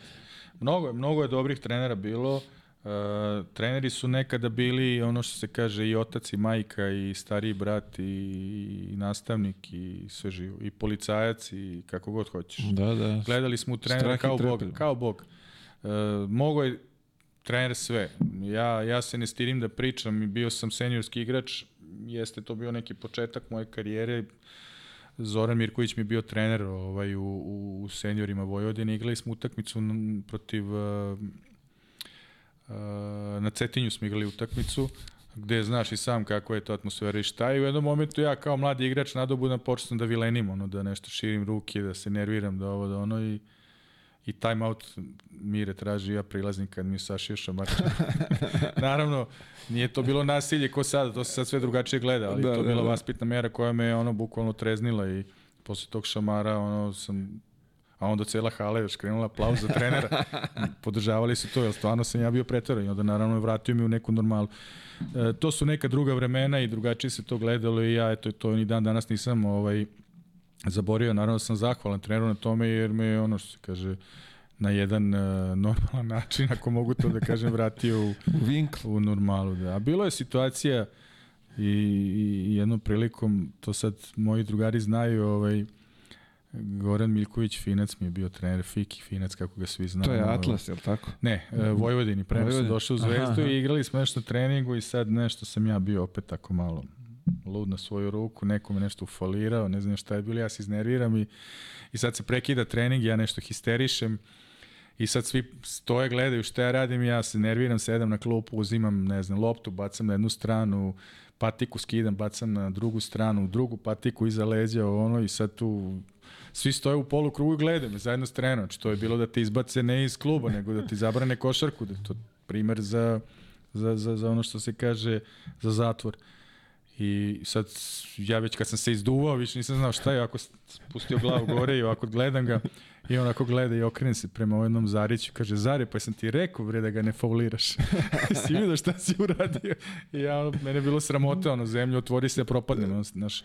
Ali to su neki načini i treneri koji su ovaj, dolazili do tebe, do, do, do tvog mozga i na takvim nekim primjerima su pokušavali da ti objasne ovaj, To je bilo Da- da, posle skupi patike, vrati Pa sve na naravno, mislim, ono, što se kaže, bilo je situacija. Ovaj, I naravno, ono kad sam sa, sa 16 godina došao u prvi tim, to je isto bilo 5-6 torbi sam morao da nosim. Kako izgledao taj prelazak? Pa, znaš kako, ovaj, e, ne mogu da kažem, imao sam stvarno vrhunske saigrače u to vreme, ako mogu da kažem su saigrači, to su, da kažem, bili moji moje starije kolege, Nikola Lazić, pokojni Dragiša Šarić, Dino Bilalović, Ivica Mavrenski, ne, da nekog ne zaboravim, stvarno pokojni Boban Janković, pokojni Saović, sve su to bili ozbiljne igračine u ono vreme i ja sad dolazim u prvi tim sa 16 godina. Ja sam njima ko, ko sin ili mlađi brat, da kažem, bio. I, ovaj, I sad to neko iskustvo kada ti sa, sa 16 godina praktično kao neki kadet, nisam ni junior još postao, uđeš u, u prvi tim pro fizički, nisi toliko dominantan, ovaj, odnosno totalno si inferiorno u odnosu na njih, a da ne pričamo o igračkom znanju. Senjorska košarka i ova mlađa košarka u ono Da, vreme da. nije moglo da se poredi. Ali je to bilo ovaj, Za sve si uvek bio kriv. Miška Marića sam isto zaborio. Miška i dan danas kad god sretnem ispričam anegdotu i on to zna isto. Igrali smo nešto na dva koša i sad Ivica Morenski prevodio loptu, neka polu kontra ode na levu stranu po 45 stepeni do mene i ja sad kao treba da mu spustim, on se kao nešto uvaljuje, traži loptu i ja pokušam, ovaj moj igrač koji me čuvao kvarno se pomerio, pošto je bio stariji 2 Da, metra da, od mene, da, ja da, naravno da. neću prvu da šutnem, vratim na sredinu Ivici Movrenskom i tu krene vređanje, ma mali da ti ja ovo, da ti ja ovo, ja treba se ovde uvaljujem pola sata, ti mene ne ispuštaš, ne daš mi loptu. I onda svi ostali, pa što mu nisi ispustio loptu, mali magarče, ovo. I ja ga, evo vam lopta, pa igrajte se sami, idem ja na klupe. Bile su stvarno interesantne situacije, ali kroz kroz, kroz takav trening, kroz te situacije ti u stvari naučiš se ovaj, da poštuješ starije igrače, naučiš hijerarhiju, naučiš sve to i onda naravno kako ti iz godine u godinu sazrevaš, tako i dobijaš, da kažemo, na rejtingu i na svom ovaj, imenu i onda ovi mlađi koji dolaze posle tebe isto to prolaze. To, Sada toga više nema, nema toga više, nema tog poštovanja. Ja, ja sam u ono vreme, naravno, uvek prvi morao da dođem da iznesem lopte na teren sa kavezom i da pokupim sve lopte i da ih vratim i još tu hiljadu nekih stvari. Kad god smo putovali ono na aerodromima ili na, na ovaj, stanicama, uvek sam čuvao torbe, bio sam zadužen za one dve, tri velike hokejaške torbe i za ove ostale torbe lične od igrača. Ovaj, jedna situacija isto bila interesantna, imali smo neku utakmicu u u, u, Solunu, ako se ne varam, pa smo avionom leteli Beograd eh, Skoplje, pa Skoplje posle autobusom i tako u povratku i sad smo se vratili u Skoplje, treba da letimo za Beograd, međutim, ovaj, mi seli u avion, a ja ono sa one dve, tri velike, jedva se rešio to i kao super, sedim ako avionu, gledam kroz prozor i vidim dolazi traktor ponovo. Rekao, šta ovaj dolazi traktor da nosi? U ono vreme su traktori vuklane, neki da, da, prikod. da, da. Šta nose, šta vade torbe? Ovaj pilot kaže, magla u Beogradu, morat ćete kao da izađete i ajmo sad na voz. I sad opet te tri torbe autobus i sad ne znam da li si imao prilike u Skoplje, ženska stanica na nekom tamo vijaduktu. Nema lifta, nego sa one tri torbe se popeo gore uz te neke 1100 stepenica, znaš.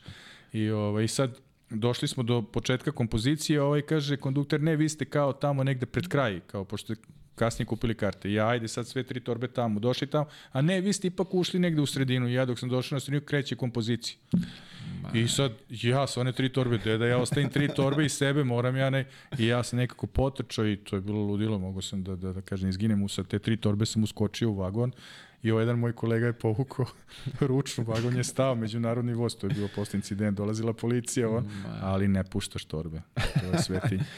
I onda tako, eto, to su neke, neke dogodovštine iz tih, da kažem, početničkih dana, ti neki turniri gde sam putovao, naravno, sa tim seniorima, to je neopisivo iskustvo. Taj način treniranja tih ljudi i poznavanje i razmišljanje košarke, koliko su shvatali košarku, koliko su je razumeli, koliko su mozak koristili tu košarkašku sportsku inteligenciju u to vreme, to je bilo za ono što kažem, nekad, nekad ostaneš pa ne znaš šta da ih pitaš, da si toliko glup ili si mlad, pa ne znaš čemu s njima da pričaš, samo klimaš glavom, znaš, ili su oni na nekom tom nivou ovaj, pričali kasnije profesor Aca Nikolić kad je bio i, i savjetnik u, u Crvenoj zvezdi, svi ti ostali treneri i Ranko Žerović i sve ono, bukvalno moraš da promisliš šta ćeš da ih pitaš. Koliko su bili košarkaški inteligentni, koliki su bili znalci da, da ti s njima pričaš o košarci. Da ne postoji slučajno glupo pitanje. Da. Jer onda ne može da te operi ni Dunav Sava. Ali pazi, sad kad si rekao to stvarno, uh, kad vratim film, starijem igraču da ne spustiš loptu. A možeš budeš sam, možeš budeš na ziceru, šta god. Onako se dole rove. Kažem ti, znači, nije samo to što me Miško Marić sad napao. Miško danas, kad god se sretnemo, Miško Marić umire od smeha. Kaže, kako se toga, kako se ne bi sećao? Ne samo on, nego svi ostali ovi devet igrača starijih počeli da me vređaju. Ono, njega mu, evo vam lopta, igrite se sami, razumeš ono, ali, ali se znalo, tačno se znalo, red, znalo se, koji tu nema šta.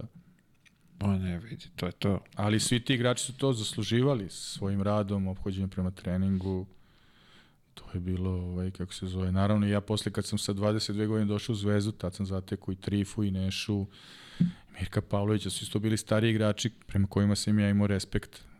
Nisu oni toliko bili stariji kao ovi prethodni u Vojvodini, ali njihovo vreme provedeno u jednom klubu kao što je Crvena zvezda sigurno je zavređivalo moje veliko poštovanje i naravno da sam ovaj Ostaćemo da vamo sam još malo na Vojvodini. Uh, se sećaš prvog nastupa? Pa vidi, uh, naravno da se sećam. Uh, ono što sam propustio da kažem, uh, imao sam stvarno odlične trenere u tim mlađim kategorijama. I Zoran Mirković i Šmit Stevan i sva, svi ti treneri s kojima sam ja radio i Bane Jemč su bili vrhunski treneri mlađih kategorija i mnogo sam naučio od njih. Naravno, ja kad sam došao treneram košarku, za dve ruke sam šutirao loptu. Onda sam tek posle stavio ruku ispod lopte, drugu sa strane i onda je to krenulo, kažemo, tim nekim normalnim stvarima i sve one košarkaške elemente došao sam sa 16 godina totalno obučen u prvi tim. Uh, te godine uh, kada sam sa, kada sam završio da kažem taj neki kadetski kadetski ovaj uzrast postao sam prvak uh, Jugoslavije tadašnje u Novom Sadu. Uh, E, na tom završnom turniru, bio sam kadetski prvak Jugoslavije i bio sam najbolji strelac tog završnog turnira. Godin dana pre toga je Vojvodina isto bila kadetski prvak Jugoslavije sa Tarlaćem i sa tom generacijom 73 72. generaciju ima čovječe, da. da. Tarlać, Tarlać je te godine već otišao u Crvenu zvezdu, odnosno, da, on je otišao, nije bio ovaj, s nama više u Vojvodini, pa nisi imao priliku jer je ta sledeća generacija bila 73, 74, gde sam ja bio kao mlađi, ovaj, pripojen njima, pa sam, eto, da kažem, osvojio to i posle toga ušao u prvi tim. Prva utakmica ovaj, e, koja, koju sam odigrao, to je, sad tačno ne znam koja, ali se sećam prvo koša, igrali smo protiv, protiv IMT-a, e, Koprivice tada igrao za ovaj, za, za IMT i sećam se da sam u ono vreme ono bukvalno greo klupu baš dobrano, ali meni je bila čast da se da se uopšte nađem na, na utakmici. Uh, bila mi čast i da čistim parket u ono vreme, da budem tamo, su uvek bile pune hale i uvek je dolazilo mnogo ljudi i sad možda zamisliš kako je to bila, ovaj, kažem, ko čast i ponos za mene da se ja nađem na, na, na, na spisku tih 12 igrača koji će se skinuti, igrati tu utakmicu ili tamo da brišeš parket, to je, to je bilo ono, ti si tad bio ono, bog među ovim mlađim igračima u tim mlađim kategorijama. Ja sam trenirao ujedno i sa juniorima i kadetima, odnosno juniorima i ovaj, i trenirao sa prvim timom igrao. I protiv IMT-a ta utakmica, da se vratim, prvi moj koš, neka polu kontra, ono, ušao sam tako nekih minuti i 30 sekundi pred kraj i seća se napravio fintu i da je Koprivica skočio na tu moju fintu misleći da ću da, ovaj, da idem na, na, na taj prvi šut i podvukao sam se na drugi obruč i to mi je bio prvi koš ovaj, u, u seniorskoj kategoriji. Pa sa njega Ali rekord, rekord mi je 49 pojena sam dao isto u Vojvodini protiv budućnosti ovaj, u Novom Sadu i sećam se te utakmice ovaj, da sam izašao sa pet lični Ovaj Miki Milojković mi je sudio taj peti dan danas kad se sretnem, rekao Miki ima bilo još 2 minuta do kraja, kad pa šta hoćeš vesti ih dobili, vodili se 25 razlike, rekao pa znam, ali ovaj nikad mi nije bilo dosta u ono vreme šta sam ja tad imao, ne znam, ja 19-20 godina, mogu sam da igram 100 utakmica vezan. Čekaj, tad si dao 49? 49. I to je wow. bila isto ovaj, jedna anegdota, ovaj, tih 49 pojena sam posvetio tada tom doktoru Vojvodine, on je inače i moj kum, bio Peri Velimirović koji je tad punio 49 godina, bio moj rođendan, a, a ja tad dao 49 pojena. Ima čak taj kući video zapisao je, pošto sam izjavu bio dao za televiziju Vojvodinu, odnosno Novi Sad tada i, i to je bilo onako, eto, to mi je rekord karijere, da kažem, 49, mislim da je neka trojka bila 11, 8, kako smo mi tad, sad brojio 8 od 11, a mi smo tad brojali koliko si šutno pa ubacio. Pa, tako je, da. A sad ja se malo drugačije, da. da, sad se malo drugačije, 8 od 11, znači kako, tako je bilo 11, 8 trojke i ne znam koliko. Sipa Ali sam učestvovao na onoj legendarnoj utakmici u Vojvodini kada je Neša Ilić ovaj, dao onih 75 poena, ako se ne varam, nekih 40 i nešto i slobodnih bacanja. Mislim da je možda dva promašio, da je bilo recimo 45-43. Si ga ti čuo? Ili? Pa nema se koga nije čuo. I, i, ovaj, i Sale Obrad, Sale Obradović i on i Te, aj sad ovako, molite, kako vi osjeća igraš utakmicu i protivnik ti da 75 pojena? Ja nisam to doživio, ne, ne, ne. igrač, jedan da. Pa, pa Neša Ilić, to, on, je, on je bio rođeni koš geter, mislim, znaš ga, svi ga znamo. On je, on je bio toliko talentovan da da koš. Šta znači talentovan? On, on je mogao da ti da koševe na, na sto načina. Znači, mogao je da da iz driblinga, iz, iz mesta, iz prodora, iz dva driblinga, pa skok šut, iz kontre, iz... On je mogao da ti da koš kako je hteo. Slobodnih bacanja, recimo, u tom priliku. Znači, on je, on je toliko talentovan bio za, za koš getere, to bila fantazija. On je, po meni, trebao da napravi mnogo veću karijeru, ako to sad kažemo internacionalno, koliki je bio koš geter u ono vreme i koliko je samo je bio onako uvek malo neozbiljan na svoju ruku, svi ga znamo. Ja mislim Ovaj, da i dan danas. Pa jeste, ali, ali u ono vreme mislim da je, da je to ta, takav talent, toliko koševa na, na toliko različitih načina, da, to je bilo stvarno čudo. 75. Da. Imam. Imam i... Kako, ka, ne, ali ne, ja, Ali, pa, tvoj znaš osjećaj ti igraš vreme- protiv njega, da, ono, Da, pa u, bespomoćno si. Igralo ne? se dva puta po 20 minuta. Znači, poluvreme je bilo 20 minuta, šta ako si ti dobar strelac, ma može, može da te čuva kogod hoće, može da mu daš koš kako hoće. Jednostavno, samo faulom. I toliko smo ga folirali, mislim, šta, šta još gore Nije staviš. se isplatilo. šta. I ta utakmica završila, ne, mislim da su čak i produžeci bili. Mislim da su bili produžeci, ali, ali je bila utakmica, seća se, bila je puna velika hala ovaj, Spence. Spence. Puna. Da, na toj utakmici. Pazi, to stvarno, o, sad kad razmišljam, ko je tu bio u tom momentu, to je bila čast Mislim da gledati. mogu da se pronađe. Ja sam ubeđen da imam tu kasetu kući, odnosno sad to već narezano na ovaj hard disk sa te utakmice, sa te cele utakmice. To je televizija prenosila, bilo je onako. Ja mislim da je čak Šarenac to komentarisao.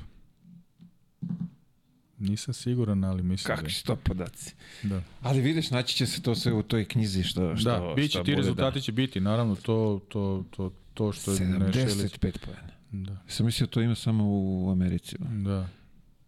Jel to ona njegova... Jel, to- Taj njegov čuvena- prvi korak, ne znam koliko se ti sećaš, da si sećaš kad je on igrao i sve i to sve, da si ga gledao. Taj prvi korak im ubitačan, taj polazak u dribling, to je bilo nešto fantazije. Ta finta kao finta šuta, pa to, to je kidao. To je nevjerojatno bilo koja je to bila brzina. Legenda. Da. Kakav je car. Uh, šta sam sad teo? Teo sam nešto... Z... Zbunio si me. Ne veze. Ne veze. Ajde ovako.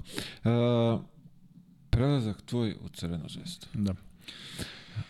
Pa Ja Ti si šest godina, ali tako? Šest godina je tvoja karijera trajala u, u Vojvodini. Is, Ja sam, ja sam mandatu. počeo, ja sam počeo da treniram, da kažem, 87. godine i, i 90. sam ušao u prvi tim. Praktično ja sam 9 godina u Vojvodini bio, od 87. do 96. Okej. I posle toga sam 96. došao u Crvenu zvezdu. Ja sam probao i 95. da dođem u zvezdu, ali bio sam još pod tim ugovorom.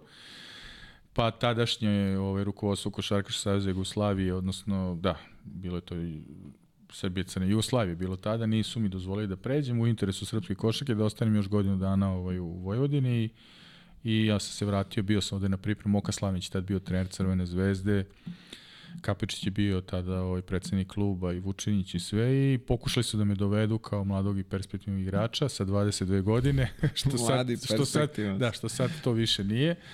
Ovaj, I nije se to ovaj uspelo da realizuje, vratio se, odigrao još jednu godinu, tada mi je Finac bio trener. Jedno bogato iskustvo tih godinu dana kod njega, ovaj, sa, sa njegovim načinom rada i svim tim stvarima.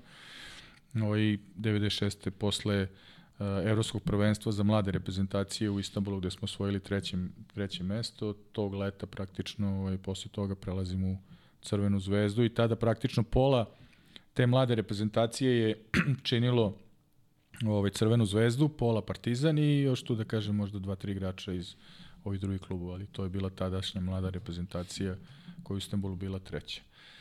Nažalost, eh, zbog onih sportskih sankcija i svih tih stvari, ja sam kao, to smo sad malo i preskočili, ajde ako možemo kasnije da pričamo o tim nekim repstivnim mlađim kategorijama gde, gde smo malo... To ćemo posle, da, ima- imate- osakaćeni nismo imali, ali eto, 96. 96. dolazim u, u, ovaj, u Crvenu zvezdu i sa Crvenom zvezdom sam, da kažem, onako napravio stepenik više, nadogradio sebe kao igrača, još više se čulo za mene i stvarno sam uživao u Crvenoj zvezdi da, da igram tih četiri godine, jer sam uvek navio za Crvenu zvezdu, bio sam, ono, jesam igrao u Vojvodini i Vojvodinu smatrao kao svoj, svoj klub, ali ovaj, ispunio mi se, da kažemo, jedna, jedna velika želja da zaigram za klub za koji sam uvek navio i koji sam voleo i volim i dan danas, naravno.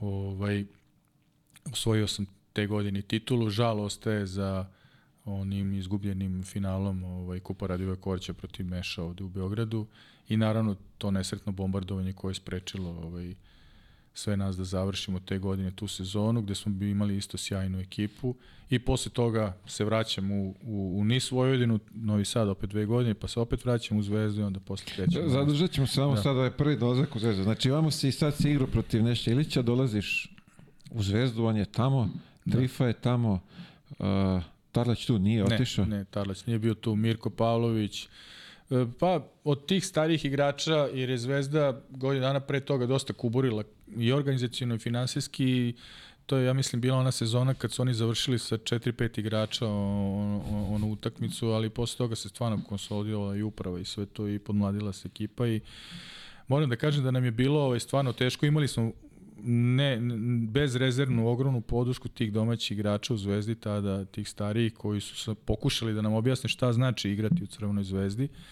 Igrati u Vojvodini, u Radničkom, u Spartaku i Subotice ili ne znam ja u nekom drugom klubu daleko je lakše bez kao što si ti rekao tih pritisaka koji su koji su vladali u to vreme odnosno i koji vladaju dan danas u velikim klubovima.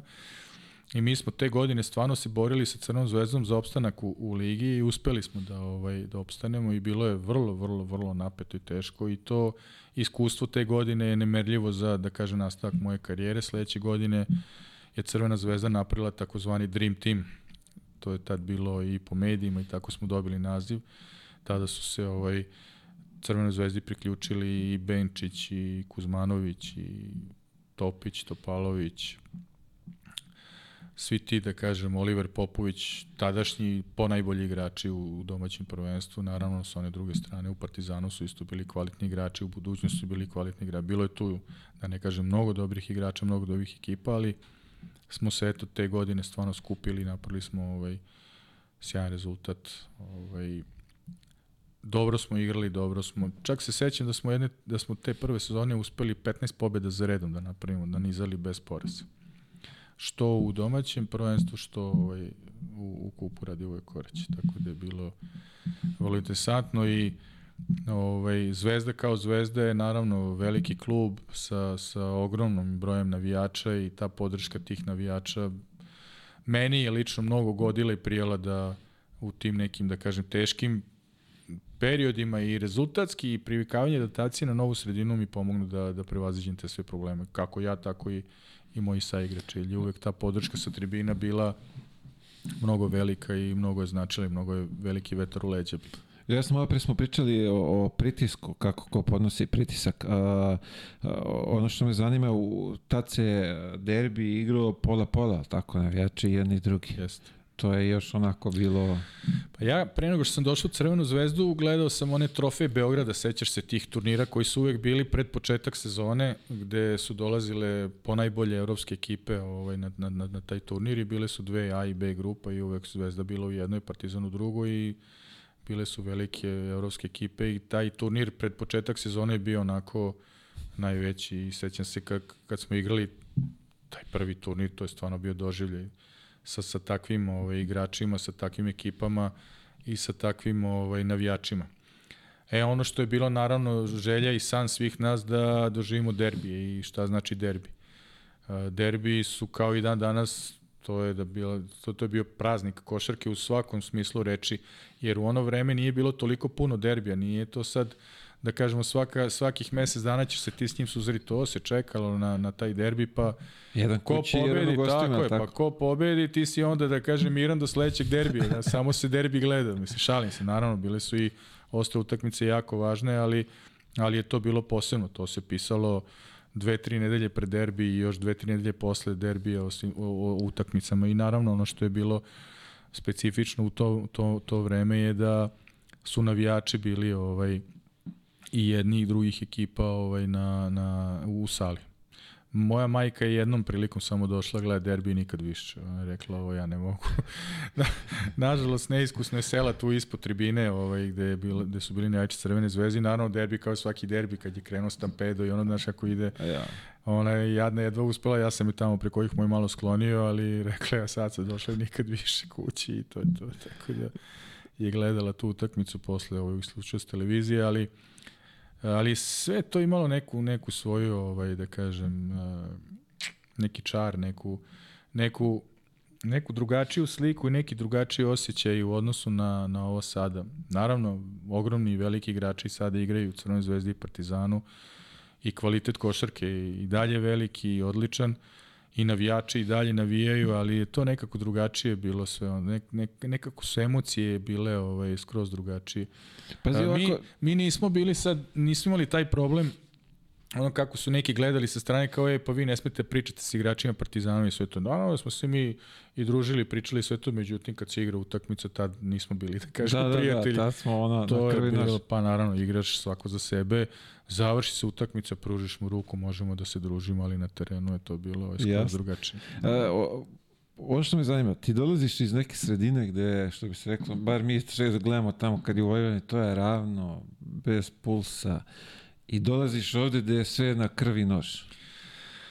Kako Pa, si ti ja sam, na ja sam odrastao u delu grada Novog Sada gde su bili malo polupani momci i devojke, ali ajde uglavnom momci. Bio onako, taj moj deo grada je onako, dosta je bio poznat po problematičnim momcima, naravno u ono vreme daleko je to bilo ovaj Dobro, to su vesele 90. Tako je, da, ma i jasno. 80 i 70 to se znalo, ali I ranije. Da. Ali sam ono odrastao, naučio sam da, da, da se peglam i da se borim. Ovaj, tamo, recimo, dođeš na basket i sad kaže ima nova, nova to je kao ta sledeća ekipa. Kaže ima, kao pa koji sam, pa kao 12. 13. I sad ti čekaš, dođeš na red, ako izgubiš, možda dođeš kupiš gajbu piva ili Da, da, soki, da, sediš, čekaš do kraja, završio si. I onda ako se ne boriš, ne peglaš, ako se ne potučeš da ostaneš na terenu, to je to. To su mene pitali moji drugari u onom staro vreme Jugoslavije kad sam igrao za kadetsku reprezentaciju, kaže, dobre, te tvoje lale tamo, svi oni tihi, a ti tako divlji, tako lud, kako ste kao... Pa dobro, tako da eto, što se kaže, imam Ne tu znaš neku žicu. gde ja imam- igram basket, znaš. Da, pa u principu da, svi smo mi tako na tim otvorenim terenima počeli. Tako su me vaspitavali ti moji drugari koji su bili stari. Dobio sam ja i batina i šamačine i ovo i ono, ali sve je to bilo da bi očusno malo i da bi znao Sve šta ga- službe, Pa da. sve u rok službe, da. Da- Moralo je, nije, ovaj, pa, jedino smo tako znali. znaš. Jedino su Na- i oni tako najmanje, znali da najmanje nam smo objasne. kući bili, uvek se sećamo onog naš, kaže, ajde kući, samo još malo, uvek nam je to bilo, "Još samo još malo. I zbog tog samo još malo uvek si dobio bat. Jer uvek si oteo ostaneš, a sad ne možeš decu isterati napolje ni puškom, što kaže, izađu malo napolje. Da, da. Na, mislim, nažal, aj Nažalost, dobro, da. ne znam, da li je nažalost ili na njihovo dobro, zavisno kako ove tehnologije sve napreduje, ali seća se toga da kući ideš samo kad padne mrak i ono kad te zovu da, da, da se jede, to je to. Pa šta i na ulici smo jeli, uvek si negde malo, ono, kradeš voće, malo kukuruza ispečeš, spremiš, tamo jedeš. Šta, odeš, kupaš se, igraš se, Znali su, čuvali su ti komšije. Koliko si puta dobio batine od komšije kad ne slušaš ovo, to je bilo kod dobar dan. I onda još i kući dobiješ batine što se komšiji zameri tako. To je bilo sve. Vidjeli, kod mene bar bilo komšija prenese kući, pa te, kad dođeš onda to oni sačekaju Uvijek na smo lupaju. duple te, batine, da. da. smo se zato penjali po drvećima, po čudima, nema šta se nismo igrali, šta Pa, kad. Da. Kad dođe sezona trešanja. Jeste. Pa to je najjači period na svetu. Trešnje, višnje. Pa ko sme, ovaj, Grožđe. Ko sme gore na vrh da se popne, Pa da. znaš, ko onaj, na, Ja ja sećam se, Bog te mazo, popeli smo se bili na neku krušku, jabuku, šta je bilo, i dođe gazda. Šta radite, sad ću ja vama, izašao gazda, ja skočio sa onog drveta, mislim da, da sam polomio kičmu, kakvi, ništa te ne boli dok ti nisi preskočio ovdje do pobego, znaš. dok nisi na sigurno. Dok nisi na sigurno, posle ti tamo kuka i hvati se za nogu, sa ovo, za ono, ne, ali to je adrenalin, to je tako, ali mogo si, ti si tad bio, tad si bio žilaš, sajla, što ja kažem, ono, sav si si bio, ono, po nekim drvećima, kod Tarzan smo se verali, penjali, gde nismo bili, ono, plivali, ono. A vidi, ali opet to ti daje neku spo, sposobnost, motoriku za, za upravo neke to, stvari. da. Upravo to, razvijao si se, da kažem, kroz te dečije igre napolje i tebi je sport samo bio nadogradnja svemu tome. Za razliku od sadašnjih dece gde, gde deca recimo mnogo vremena provode, to svi znamo, u svojim sobama, uz telefone, tablete, kompjutere, Pa, ja sam jednom, ja sam svom sinu rekao, rekao, ajde, imaš u dvorištu koš, ajde, gde su ti drugari, vidi kako je lepo vreme, kad dođe ti nešto pokažem, kao Ćale, Gora mi odvede na, ovaj, na kompjuter i upali mi kompjuter i kaže, evo vidi, od mojih tih 20 drugara koje sam teo da pozove na basket, njih 17 su online igraju igrice. S kim ja da igram? Kao, rekao, ajde, idemo ti ja da igramo zajedno. Aj, Sad to ti Pa pa, da ti mislim, proda neku i nisam ga nikad puštao. Tako da, sad je jači od mene mnogo, ne, ne vredi sad da se s njim. Ali ovaj, to, je, to je tako bilo, znaš, ovaj, u, u to naše vreme mlađe. Ti dolaziš u Zvezdu, rekao si Moka je trener, Ne, uh, tada kad sam došao u Crvenu zvezdu, trener zvezde je bio Mihajlo Pavićević. Njega su tada iz, Mihajlo iz, iz Mornara iz Bara doveli u, u zvezdu. to je ona sezona kad su promenili, jel tako, nešto krš trenera. Uh, I onaj Ne, Amerikanac je bio, su, tako? to je sledeća godina. To je Slede- sledeća godina, da. Tad su promenili brdo trenera. Znam da je neka bila ro, ro, rotacija, da. Bilo je, da. Mnogo, mnogo trenera. Ali pazi, bilo je i ozbiljnih dobrih igrača. Jest, fantastični igrač. Mnogo je tu dobrih igrača prošlo kroz Crvenu zvezdu. Tad, su, tad je Crvena zvezda počela da vodi strance, sećaš se, ono dva nova stranca, Obina i Kezi, i onaj već sam zaboravio kako se zove, to je bilo u prošlom veku. Bi, prvi stranci. Dobro, to je 2000-ih. Pa, da, ali je Ne, bio... ja pričam za ovo vamo. 96, 97, pa tad su počeli da dovode. Sećaš se da su bili ona dva, jedan playmaker je došao, pa je došao onda onaj još jedan crnac. Pred kraj 90 upravo si. Ali dobro, doveli su i, Jest. i divca, jel tako? Jest, Divac je bio mesec dana u Crvenoj zvezdi. Pa ide ona šala, mislim, ja isto s, Dikijem kad se vidim, ovaj, nisi ti mogu tek tako lako dođeš u Crvenu zvezdu. Ti si probao da dođeš u Crvenu zvezdu, ide ona šala, pa ovaj, si onda video da nisi za zvezdu, oni su te kao proglasili talentom, pa si otišao u Partizan, pa iz Partizana si išao u NBA, pa tek iz NBA si mogao dođeš u Crvenu zvezdu, jer mora se dokažeš, ono šala ide, ali ovaj, naravno da je šala Divac je og, ogroman igrač, velika legenda i naravno da mi je bila velika čast i zadovoljstvo u tih mesec dana. Kako je koliko- izgledalo to s njim? To je bilo neverovatno koliko je lakš, lako bilo igrati s njim. Znaš, kad imaš neko ko je pod košema, razmišlja kao playmaker u ono vreme, znači nadprosečna inteligencija, košarkaška, navuče igrača sve to. Pa te godine su mi jedini pobedili Žalgiris u Beogradu, a Žalgiris je te godine osvojio tad eh, tu Euroligu. Kako, koliko je zapravo uh, dobro kad si u ekipi sa vrhunskim i dobrim igračima? Koliko, koliko je lakše igrati, To je koliko uživanje. prostora, to je koliko uživanje. svega. to je da. uživanje. Znači, dovoljno je pogledom. eh, Ono vreme mi smo pogledima rešavali situacije. Nama su treneri postavljali određene kretnje, kako mi to kažemo, akcije u napadu i sve to. Međutim, mi smo znali da čitamo situacije, da prepoznaješ, da, da znaš, što ja kažem, da li ovaj igrač će te čuvati flaster na tebi, pa ćeš ga, ne znam, nija duplim pasom obići ili ćeš ga pobediti driblingom ili iskoristiti blok pa zalomiti za svog saigrača ili ovaj da ti baci loptu na backdoor ili ne znam nija hiljadu, hiljadu situacija. Čitao si jednostavno odbranu. Opet, što se tiče odbrane, u odbrani smo opet znali ko kako napada, šta mu, jer u toku same igre si ga ovaj, e, čitao i, i svato, e, slušaj, ja ću da ga teram, pa divac kaže, samo ga ti teraj na mene, a ja kad se raširim, on će da, da se uplaši i to je tako bilo. A, a ti gledaj kontru da istračiš kako je ćapi mi. Da, ja. Vrlo jednostavno. Trudili smo se što su nas uvek treneri učili i što je bila, da kažem, i dan danas za mene najlepša košarka sa što manje driblinga. Nažalost, sada se košarka igra sa mnogo driblinga, a opet je vreme ovaj, mnogo skraćeno za napad. Nekad je napad bio 30 sekundi, sad je 24 ali ovaj, sada toliko driblinga ima, valjda taj NBA, taj showtime tamo, što ti, ti driblizi kroz nogi, ne znam ja, čuda, luda, ali to je sad takva košarka. Pa dobro. O, Uživanje mislim, u svakom je- slučaju sa vrhunskim i dobrim igračima je bilo stvarno uživanje igrati. Ne, ali vidite, stvarno ima vrhunske igrače pored sebe. Da. U tom momentu, ajde, Da. da. Topić, Jedan Topalović Topalović. koji je, da kažem, igrao uh, u, na ovim prostorima, ta njegova košarkaška inteligencija, koliko je taj čovek, on, on je sa profesorom Acom Nikolićem provodio sate u razgovoru, on je imao tu privilegiju i čast da s njim priča o košarci i da, da, da, da, da dele svoje, svoje razmišljanja i sve, to je nevjerojatno nešto. Topić koji je, da kažem, nadprosječno, Vojkan Beč, Oliver Popović, Kusmanović, to su sve, da kažemo, ono, fantastični igrači sa, sa, sa fantastičnim razmišljanjima, znanjem, iskustvom, sve to je uživanje bilo igrati. Svaka čast. Uh, ta ne, nesrećna utakmica s Mešom.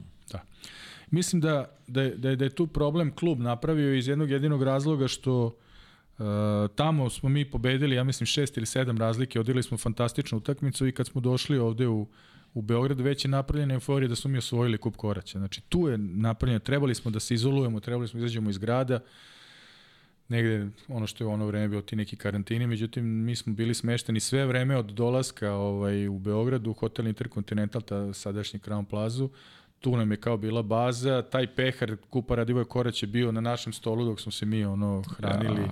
i onako stvorila se ta neka, kao to je sve već naše. I kao uz Inat imali smo jednu utakmicu koju smo trebali da odradimo u domaćem prvenstvu protiv Radničkog na Krstu, gde se ja povređujem posle ne znam nija 10-15 minuta utakmice, izlazim sa izvonutnim zglobom, zglob oteko, posle 5 minuta i Kuzmanovića iznose isto i on se povredio i nas dvojica praktično iz te prve petorke ovaj, smo bili totalno u auto, onda pokušali smo se rehabilitujemo za 2-3 dana za tu utakmicu i dolazi sam dan utakmice da je bilo prepuno. Znači ja ne znam da li je pionir tadašnji ikad bio toliko pun sa onim balonima gore koji su bili već posle. Spremno, Sve unapred čuo sam da su ono i vola pekli na trgu Republike, što se kaže i sve. Znači, psihološki utakmica nije bila pripremljena, pripremljena kako treba, tu je klub malo pogrešio i naravno i mi igrači koji smo izašli da igramo utakmicu smo bili na neki način ono, to je, to je sport, nikad ne, ne slavi unapred, utakmica igra 40 minuta, 42 minuta što se kaže uvek do kraja, šteta ostaje za tome jer smo te sezone stvarno igrali lepu košarku, imali smo sjajan rezultat i to je bilo onako, to bi bila kruna karijere. Međutim, kruna te sezone, međutim, opet posle tog, da kažemo, razočara, razočaravajući rezultata, onda pravimo tek pravi potez i klub, odlazimo na, na mini pripreme, izlazimo iz Beograda, odlazimo u, u Herceg Novi, tamo smo bili, ovaj, Ljubarović, ne sjećam se, ovaj, neki 7 do 10 dana, izolovani skroz, bez medija, bez ičega, svega i spremali smo se za play-off koji, je, koji nas tad čekao i igrali smo protiv Cetinja gore prve dve utakmice gde smo ovaj kako se zove to prošli i polufinale tada smo igrali sa budućnosti. I tada se poslednji put igrao onaj princip da se polufinale igra na dve dobijene s tim da se u prva utakmica igra na terenu ovaj slabije plasirane ekipe. Mi smo tada bili iza budućnosti i budućnost smo dobili, ne znam, 20 razlike u Beogradu i dolazi ta utakmica nad utakmicama u Podgorici, to je bilo to je bilo, ne znam kako da ti opišem. Više bilo specijalaca u našem autobusu nego nas igrača i stručnog štaba. I plus pratnja i to sve i to je bilo ono vreme ludilo. I uspemo... To me sad podsjeća na, na ove momente od pre par godina, ovaj, Da. da. budućnost zvezda. Da. Baš je bilo onako, baš je elektrisano bilo, to je tad već bilo ono da kažemo poslednji trza i zajednički države, mislim ono i zajedničke lige i Srbije, Da, da, da. naravno da je to sve bilo da kažemo izazvo nekim drugim stvarima kojima ja ne bi pričao, ali što se tiče tih nekih uh, uh, te utakmice sve stvarno je bila jedna utakmica koju ću pamati do kraja života i, i velika želja igrača budućnosti i naravno naša da se nađemo u tom finalu i mi uspemo da pobedimo budućnost u Podgorici. Mislim da, da, da, da ne znam da li Hiko bio dobio te sezone. Oni su izgubili tu utakmicu od nas i s 2-0 ulazimo u finale, a drugo polufinale su igrali FNP i Partizan. I Partizan izbaci ovaj I FNP izbaci Partizan. I šta se događa? Ulazimo u finale. Prva utakmica, tad se igralo dve utakmice na bolje bolje plasine ekipa, su mi tad dobili ovaj, kako se zove, prednost terena odnosno na budućnost, smo njih izbacili, a FNP u odnosu, odnosno mi smo bili ispred FNP-a, u kraju sezone imali smo dve utakmice u Beogradu, u Pioniru i prve dve treba kod nas, druge dve kod njih i peta sada ako bude trebalo. I mi prvu pobedimo i drugu izgubimo od FNP-a u Pioniru. I dolazi s mene Lala Telučić. I mi bukvalno ono, odlazimo na, na tu treću i četvrtu utakmicu u Železnik sa novim trenerima, odnosno ovaj, Paja, Pavi, Paja ovaj, Mihajlo Pavićević i, i Bora Đaković, po koji nije, ovaj, tad su, da kažem, došli za, za ta dva trenera i mi, ono, pobeđujemo FNP u Železniku dve utakmice i 99. postajemo. Posle tog, da kažemo, propuštenog kupa Radio To je zapravo 98, je li tako? 90... 90, to je 98, tak, da, da, 98. da, da. Pazi, posle to je titula i posle toga je potrajalo malo duže dok ovaj...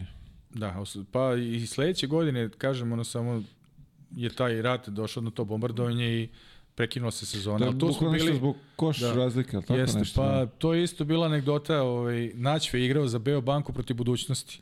Imali su posljednji napad i pola koša za budućnost i Naćve imao neki ulaz bukvalno i samo je prebacio lopće na drugu stranu, promašao zicer i budući se tada ovaj, osvojila, kako se zove, prvenstvo. Jer se nije igrao play-off, samo su odradili da, te utakmice. Prekinuto. A mi smo napravili kiks u, tom, u toj sezoni, izgubili smo od Spartaka u Subotici neplanski jednu utakmicu, inače smo bili ono isto mnogo, mnogo dobri. Dominacija.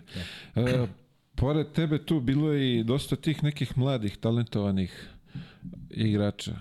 Koga bi izdvojio od tih? Pa ja kad sam došao u Crvenu zvezdu, recimo Igora Kočić se tad pojavio. Mislim, on jeste već tada bio, ali Igor je bio ono, da kažemo, taj neka, pre, da kažem, predvodnica tih mlađih igrača. Ne znam, Radmanović, isto Jestretijević. Bilo je tu mnogo dobrih, talentovnih igrača koji su posle napravili fantastične karijere. Kroz, što kroz Crvenu zvezdu, što kroz klubove gde su otišli kasnije. Stvarno je bilo dobrih igrača i I svi ti momci su se stvarno ponašali i odgovorno i korektno i na treningu i van terena i sve ono nisu za džabe napravili te karijere koje su napravili. A, kako se zove? A, sedeo sam u, u stvari ne. Ko mi je to priča? Uglavnom priča iz Crno-Belog tabora. A, ali ne, nisi ti bio tad izvinja. To je, to je pre ona titula 90 treća, četvrta, je to bilo. A to da. je Neša da, Ilić da, da. ta generacija. Da, da, da. No, ne, neću da ne mešamo babi žabe nema potrebe, to ću sačekati nekog iz te generacije, kako se zove, ko je bio to. Uh, beše Vojvodina nazad. Da, vratim tako. se, to je Vojvodina, nis Vojvodina, odnosno e, to je praktično Beobanka koja je prodala mesto ovaj, svoje da bi nis Vojvodina napravila klub u Novom Sadu i uh -huh. to je mhm. dve godine trajalo ta moja, to moje angažovanje i posle toga se opet vraćam ovaj, u, u, u Crvenu zvestu. Znači dve godine, za te dve godine sam stvarno rezultatski, ajde da kažem, bio tu u vrhu sa Vojvodinom, ali sam ja kao ja napravio stvarno dobar uh, trag tada u toj da se zvala Juba Liga, ako se ne varam, tad Winston sam bio tad. Je bilo. Da. A tako biš? Ne, tako. Winston je pre. Ne, samo je Juba Liga. Juba Liga. Da. Tad sam bio najbolji strelac i, i, i MVP prvenstva. I tada kao MVP i najbolji strelac, tad su to uveli i to dolazim ponovo u Crvenu zvezdu i dolazim u zvezdu i imao sam prilike da radim tada sa, sa Zmagom Sagadinom i tada je Crvena zvezda počela da igra i Jadransku ligu te godine, jer tada nije imala, da kažemo, obezbeđeno neko ovaj, međunarodno takmičenje, pa je tad krenula ovaj, Kako je izgledala saradnja sa Zmagom iz tvog Pa Zmago Sagadin je, da kažem, trenera onog starog kova, znači veliki fanatik, ogromno, ogromno znanje košarkaško je posjedovao, ono, u staroj Jugoslaviji vodio Olimpiju, mnogo titula je osvojio s Olimpijom tamo od raspada Jugoslavije ovaj, u, u Sloveniji sa njom i stvarno je bio onako vrhunski ma 24 sata. Teško je bilo raditi, mnogo je bio zahtevan, pogotovo u tom prvom delu sezone gde, gde sam ja lično imao problema da se nekako s njim ono, usaglasim i sve to. Ovaj, ali tu smo najstariji igrači bili Šilobad, Borko Radović i ja.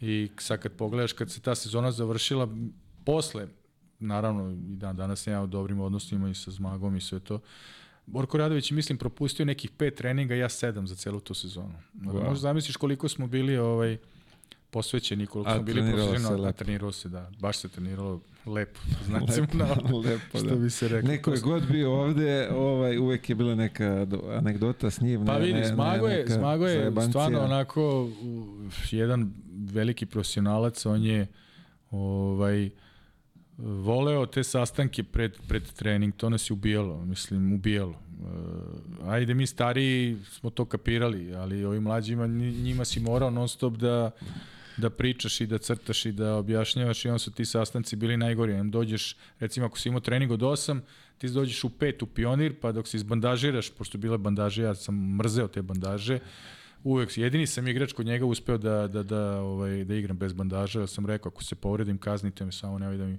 ili ako stavim bandaže s bandažama, ja nisam ja. Drugi čovjek. Skroz, nevjerojatno. I čovjek je to shvatio, nekako smo se mi našli.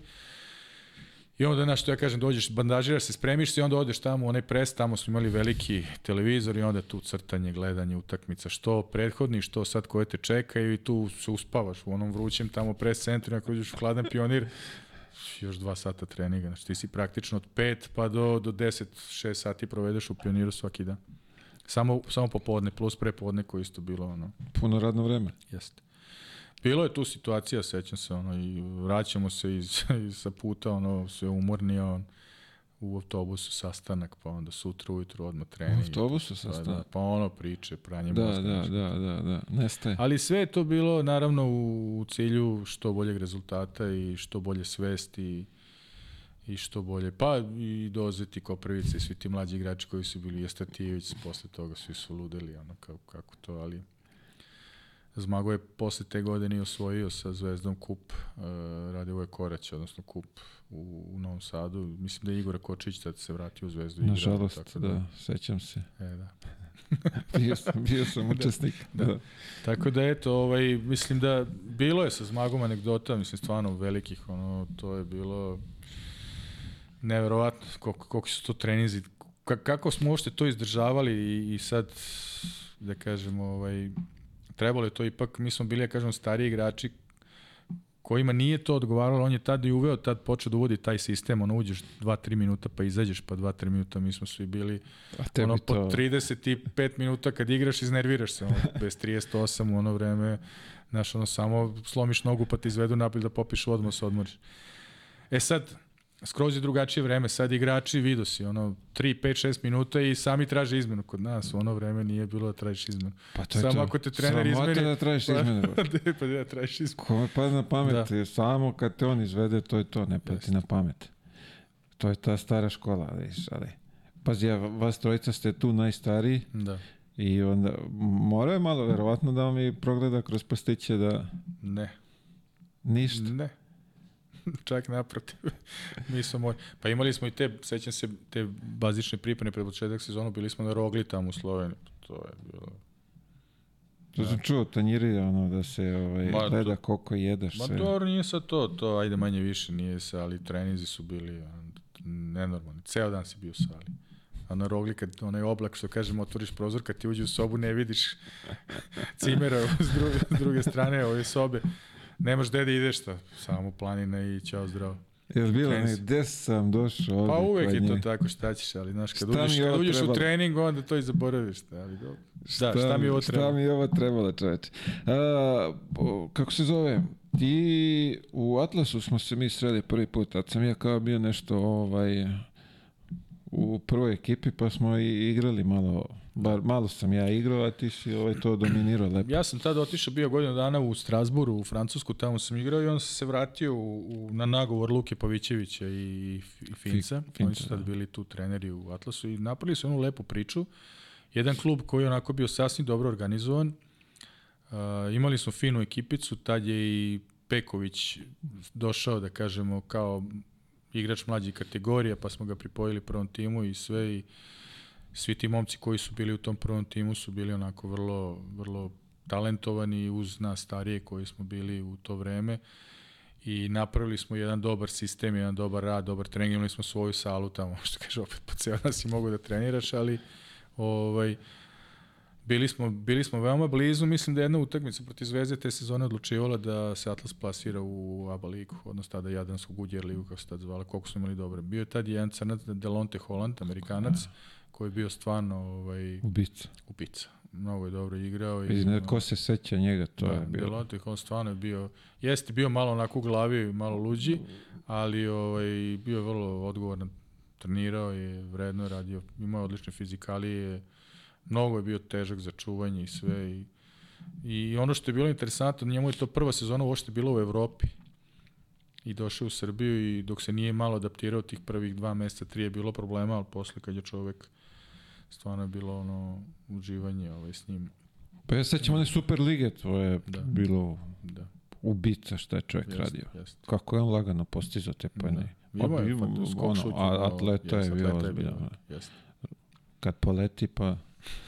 Zajebano ako se nađeš, Pa, na, ako se nađeš na put. Pekmen, Pekmena, Peković je tad, da kažem, bio neki treći, četvrti centar, tad, da kažem, ono, i po, po, po, po rangu i sve u klubu i mnogo mi se svidelo svaki put kad je igrao sa mnom, pošto imali te neke akcije gore, ono pick and roll na vrhu i šta znam, svaki put mu spustiš, on uvek zakuca, tu kod njega nije bilo, ono, promašiš neki šut, kad smo promašili, on je uvek skok bio u napadu i da 12 skokova, 12 poena, 15 poena, 12 skok. Uvijek ti je svak utakmicu. I ja kažem, Luki, daj bre ovog malog vidi Ali pazi, on tad još nije bio toliko Tako jak. je, tako je. Ali on tad počeo da igra.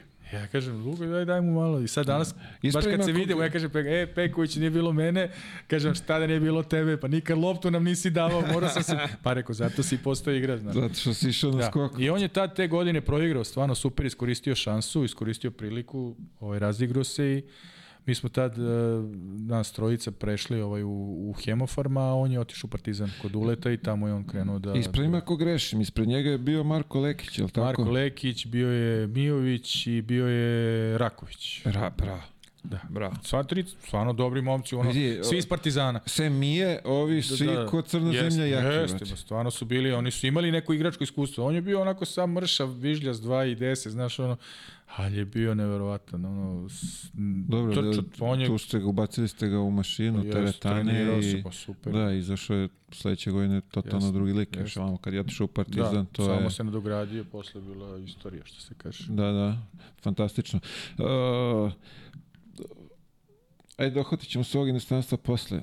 Hemofarm, odlaziš, Mhm. opet talentovana, dobra ekipa i top pored tebe. Da, da, da. Super, super ekipa, stvarno imali smo ono, i, i ta dva Amerikanca što su bila isto tu, što su bili super, ovaj playmaker i ovaj drugi trojka. Dobro smo se sklopili, bilo je to stvarno ovaj, meni lično uživanje. E, malo je, ta, da kažemo, ta sredina, taj vršac onako bio pospan, suviše spor za mene posle svih tih, ajde, jesam ja ovaj, da kažem, Lala ono, iz, iz Vojvodine i sve i da kažem, jedan deo familije sa, sa, sa mamine strane su tu baš iz okoline vršca i sve, pa banaćani nisu baš ono tako pitomi, ali ta, to je tako bilo nekako onako dosta dosta skromno, ono što se kaže, to i navijanje. Sve nekad su više navijali za protivničke ekipe nego za nas, ali ono u završnicama su stvarno dolazili ovaj, publika iz Vršca, iz okoline i imali smo dobru podršku. Preko sezone ne toliko, ali tu pred kraj sezone je bilo stvarno super.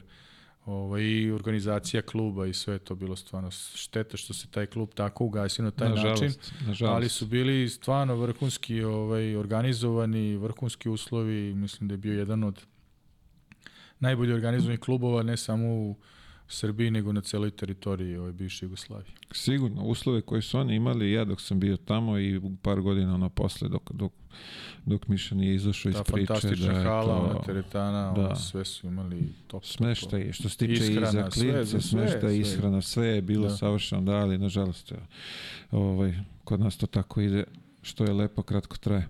A, molim te da nam dočaraš topak. Top. Da.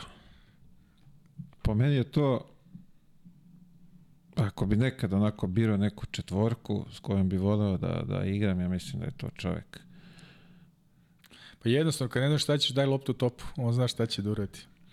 A on je uh, toliko uh, produktivan, a skroman igrač. Znači, što bi ja rekao, onaj pravi dizel motor, ono malo troši, a mnogo daje. Nevrovatno nešto.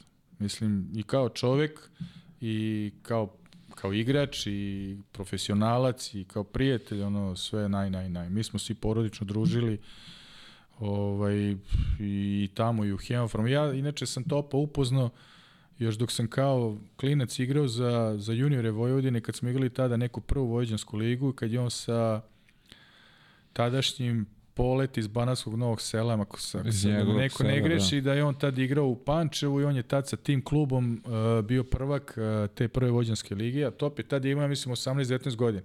On isto jako, jako kasno počeo da igra ovaj košarku.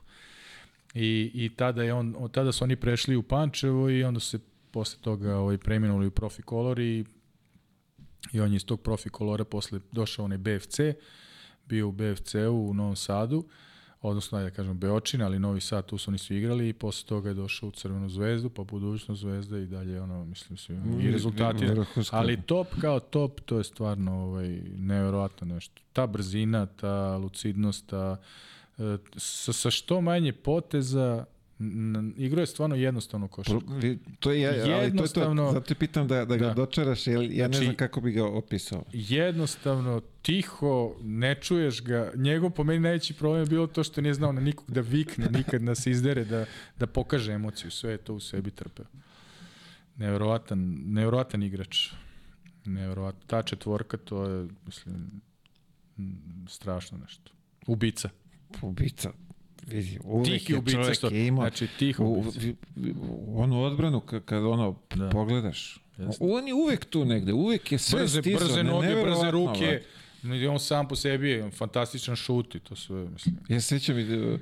Ja mislim da on čak levoru kada igra košarku desnom rukom. Ja znam futbol kad smo igrali, Zjebas. mi smo dosta često futbol igrali na trenizima i to on je levom nogom futbol igrao. Mislim da je levoruk, a da je desnom ovaj rukom. Zjebas. Da. Još i dan danas imam u pamćenju uh, u, u memoriji kad primi loptu gore na, na trojci i, i da li to, kako to bi opisati, tik ili šta je nešto sto, desnom nogom nešto cupne A, dva, malo, tri puta malo, u mestu, da, da. Ne, ali nije nikakav finta, nego da, nešto da, da. čisto šta već kako je to izvodio. Da vidi šta će odbran da uredi. Da, I onda je metne kao kap. Ne, neverovatan tip. Ti si imao uh, priliku i sa Mikanom još. To Mika isto je, jest, da. u Vojvodini te dve godine ovaj, što sam bio ovaj, u, u Vojvodini, nis u Vojvodini, tad sam sa Mikanom, odnosno godinu i po dana, pošto smo i počeli sa, sa jednom ekipom, pa je onda tamo došlo do smene trenera, pa je došao Stepi i, i došao je Mikan i da kažem došli su da kažem ajde da kažem Šapčani Mikan, ali stvarno da, ti momci iz Šapca svi stvarno su fantastični ljudi igrači i sve i dan danas sam ovaj s njima ovaj na na vezi čujemo se Sa Mikanom je bilo isto neverovatno. Ne znam da li znaš taj podatak, to svi pričaju, ja sam bio svedok te utakmice. Ovaj, to je, to je bila utakmica u Novom Sadu protiv Spartak i Subotic kad je on dao 50 poena. Tad je imao, ja mislim, 42 godine. Tako nešto, sećam se toga. Dao je više znači, poena nego što ima godina. To je neverovatno bilo nešto. 50 poena je dao na toj utakmici. Stepi ta znao da kaže izem ti ovu današnju ligu i košarka čovjek od 40 godina da 50 pojena. Kao šta nas očekuje još posle toga.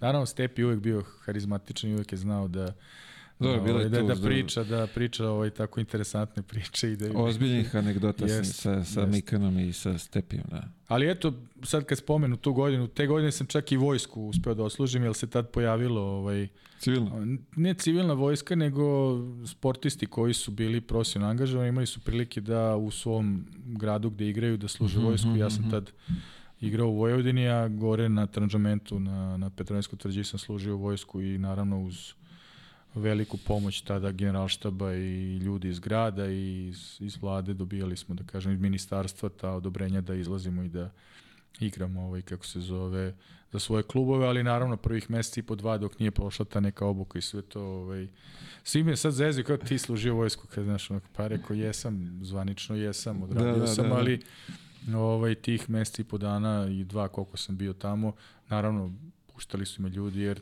tada taj da kažem, e, komadant, odnosno major, major koji je bio ovaj, zadužen za sve nas U je bio isto sportista, voleo je futbal i košarku. Imao je razumevanje. Jeste.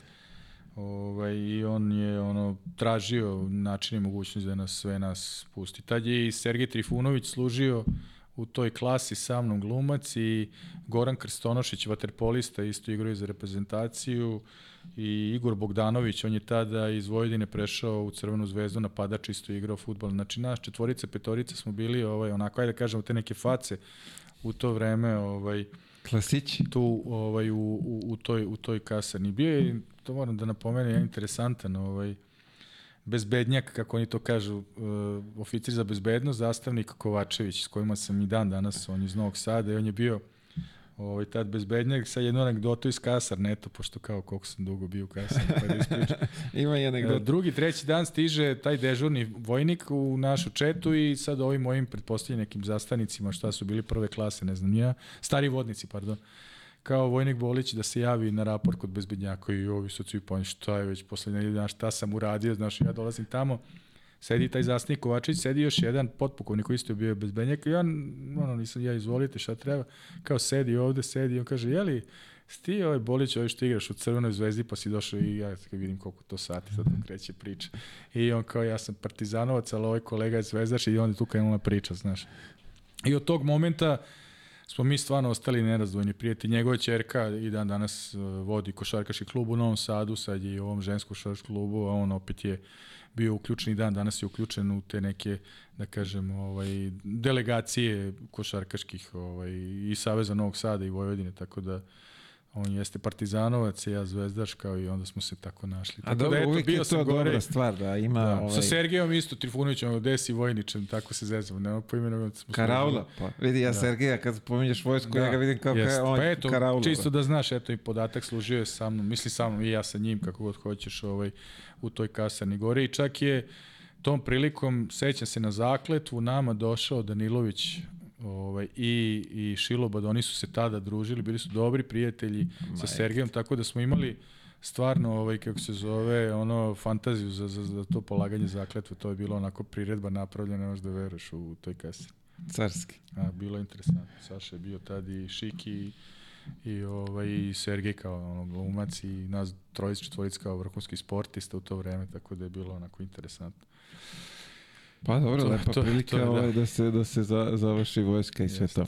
Je, ovo, samo još zanima me, a, vezano za Mikana, jel a, dolazio nekad ovaj, na, na, na, na, na utakmicu direktno s nekih poslova sa, što bi se reklo, sa livadi? Ne, mislim, to, to su sad bile priče, onako malo preterane.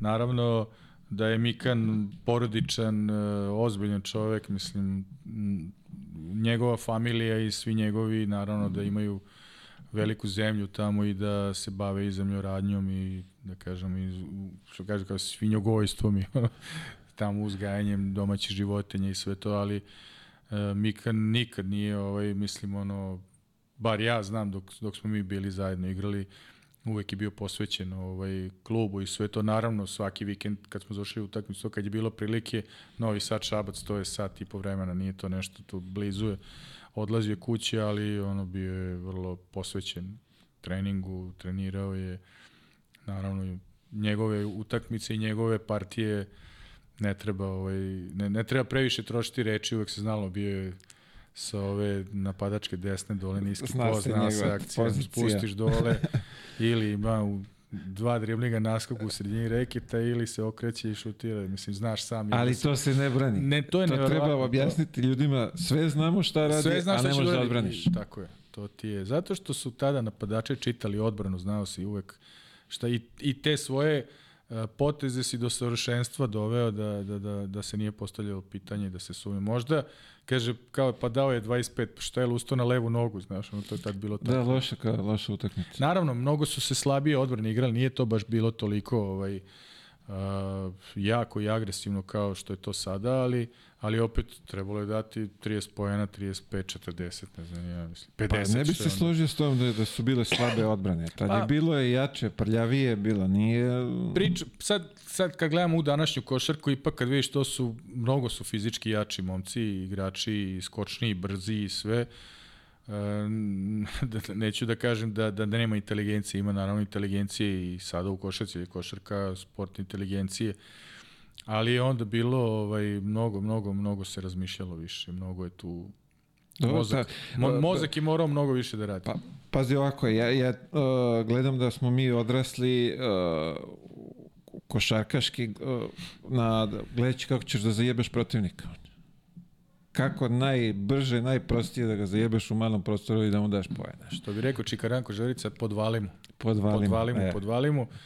Prevari ga, nadmudri ga i Tako to je. jest. A kako ćeš to da uradiš? Pa moraš da imaš maštu za E, to da bi e, to mogao. Da, moraš budeš kreativan da bi znao tako. kako da ga uradiš, da mu podvališ Jest. kako god, ali danas je, ajde, to je neki sistem, šablon, kako god zvali, ovaj, verovatno se drže toga da malo je, malo je kreativnih.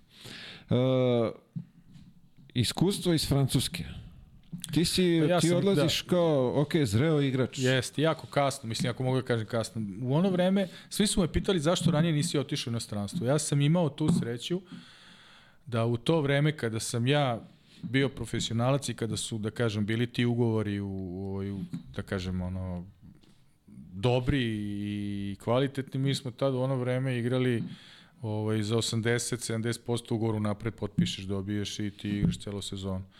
Dok u inostranstvu kad odeš, onda ideš razbiju ti na tih desetak plata, pa ti sad opet stranac i tamo, pa sad razmišljaš, hoćeš ovde igrati jednu, dve dobro, pa ćeš ostati bez ugovora. Ovde uvek dobiješ, da kažem, 80% ugovora na gomili koji je cena, cifra bila praktično ista kao i inostranstvu, pa uvek si razmišljao i ono što sam ja uvek rezao, pa bolje kući da budem nego da idem negde preko.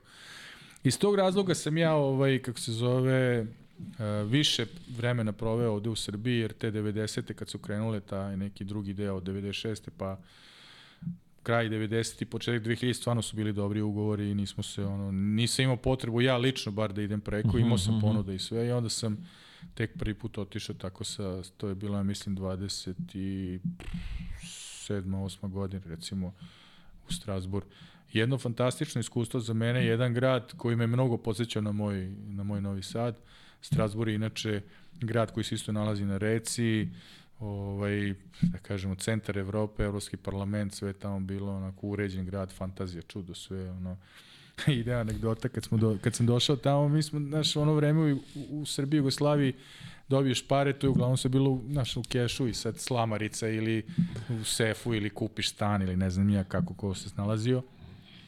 A mi smo tamo naravno plate na račun i ja sad kako dobijem koju platu, ja tako odem u banku i sve podignem i, i kaže meni jedno posle ne znam drugi treći plate ova žena naša što radi u banci kao pa gospodine da svi ne bojite taj novac držite kući kao ja rekao e odakle ja dolazim nekako mi je najsigurnije kod nas u Slamen znaš sećaš se ono Jugoskandik ima kako su bili Da, da, fine da, jedna da fina, kako Pa beše. to.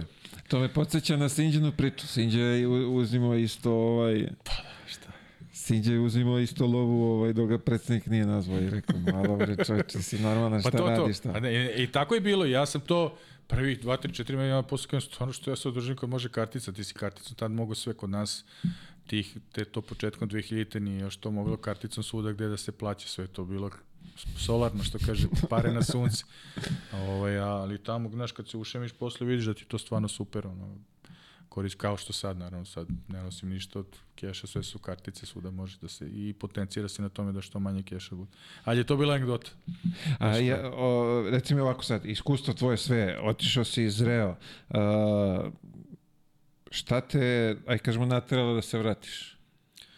Pa, Ste vidi, nije ja sam, leglo, ja sam država, tamo, ja sam imao tamo stvarno i sjajne i saigrače i ugovore i sve i imao sam ja ponude i dalje negde nastavim, međutim Luka me ubedio Pavićević. Dođi, dođi, dođi, dobru ekipu pravimo, dobro će ti to koristiti, vidjet ćeš još.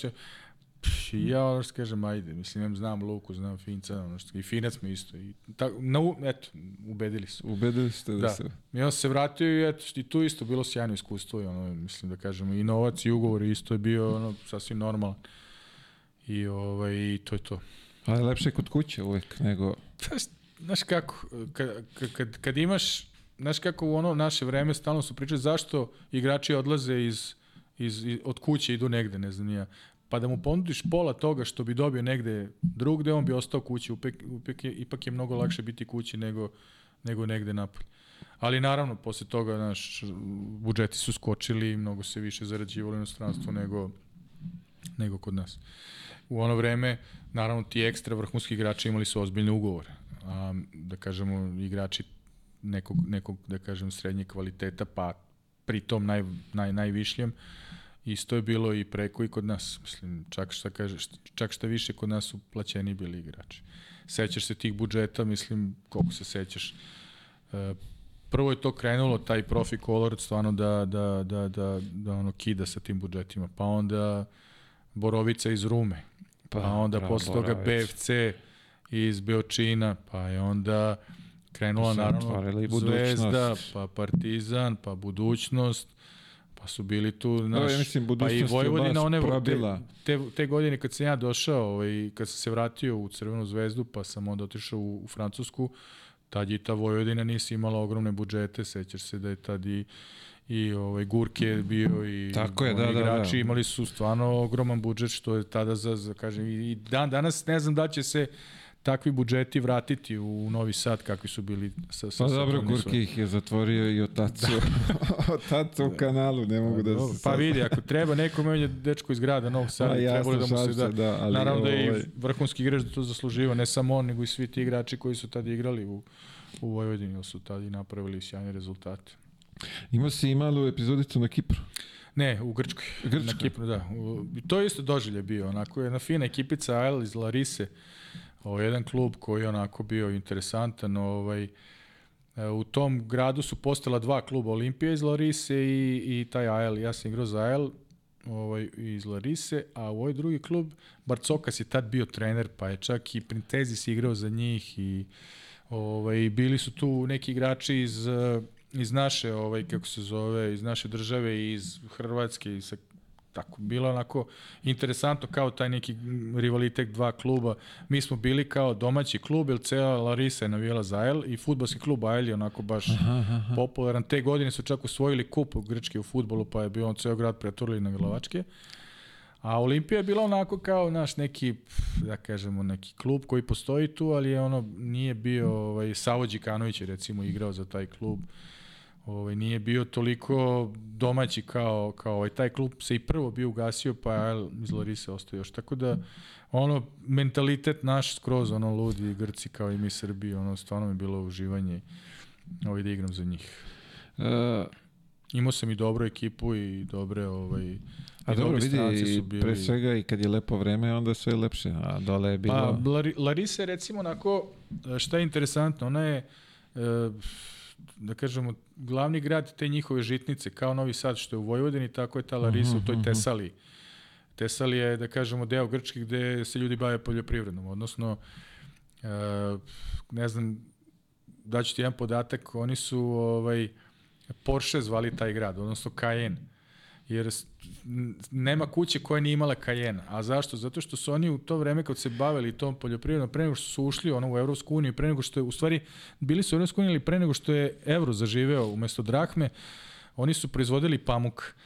I tada nije bilo te kvote koliko možeš da izvezeš, oni su se ubijali od novca, to, to ta Larisa, to, to, to je toliko bogat grad bio da je to nevjerojatno i onda svake, svaka kuća imala Cayenne i Porsche Cayenne, tako su izvali kao Cayenne City.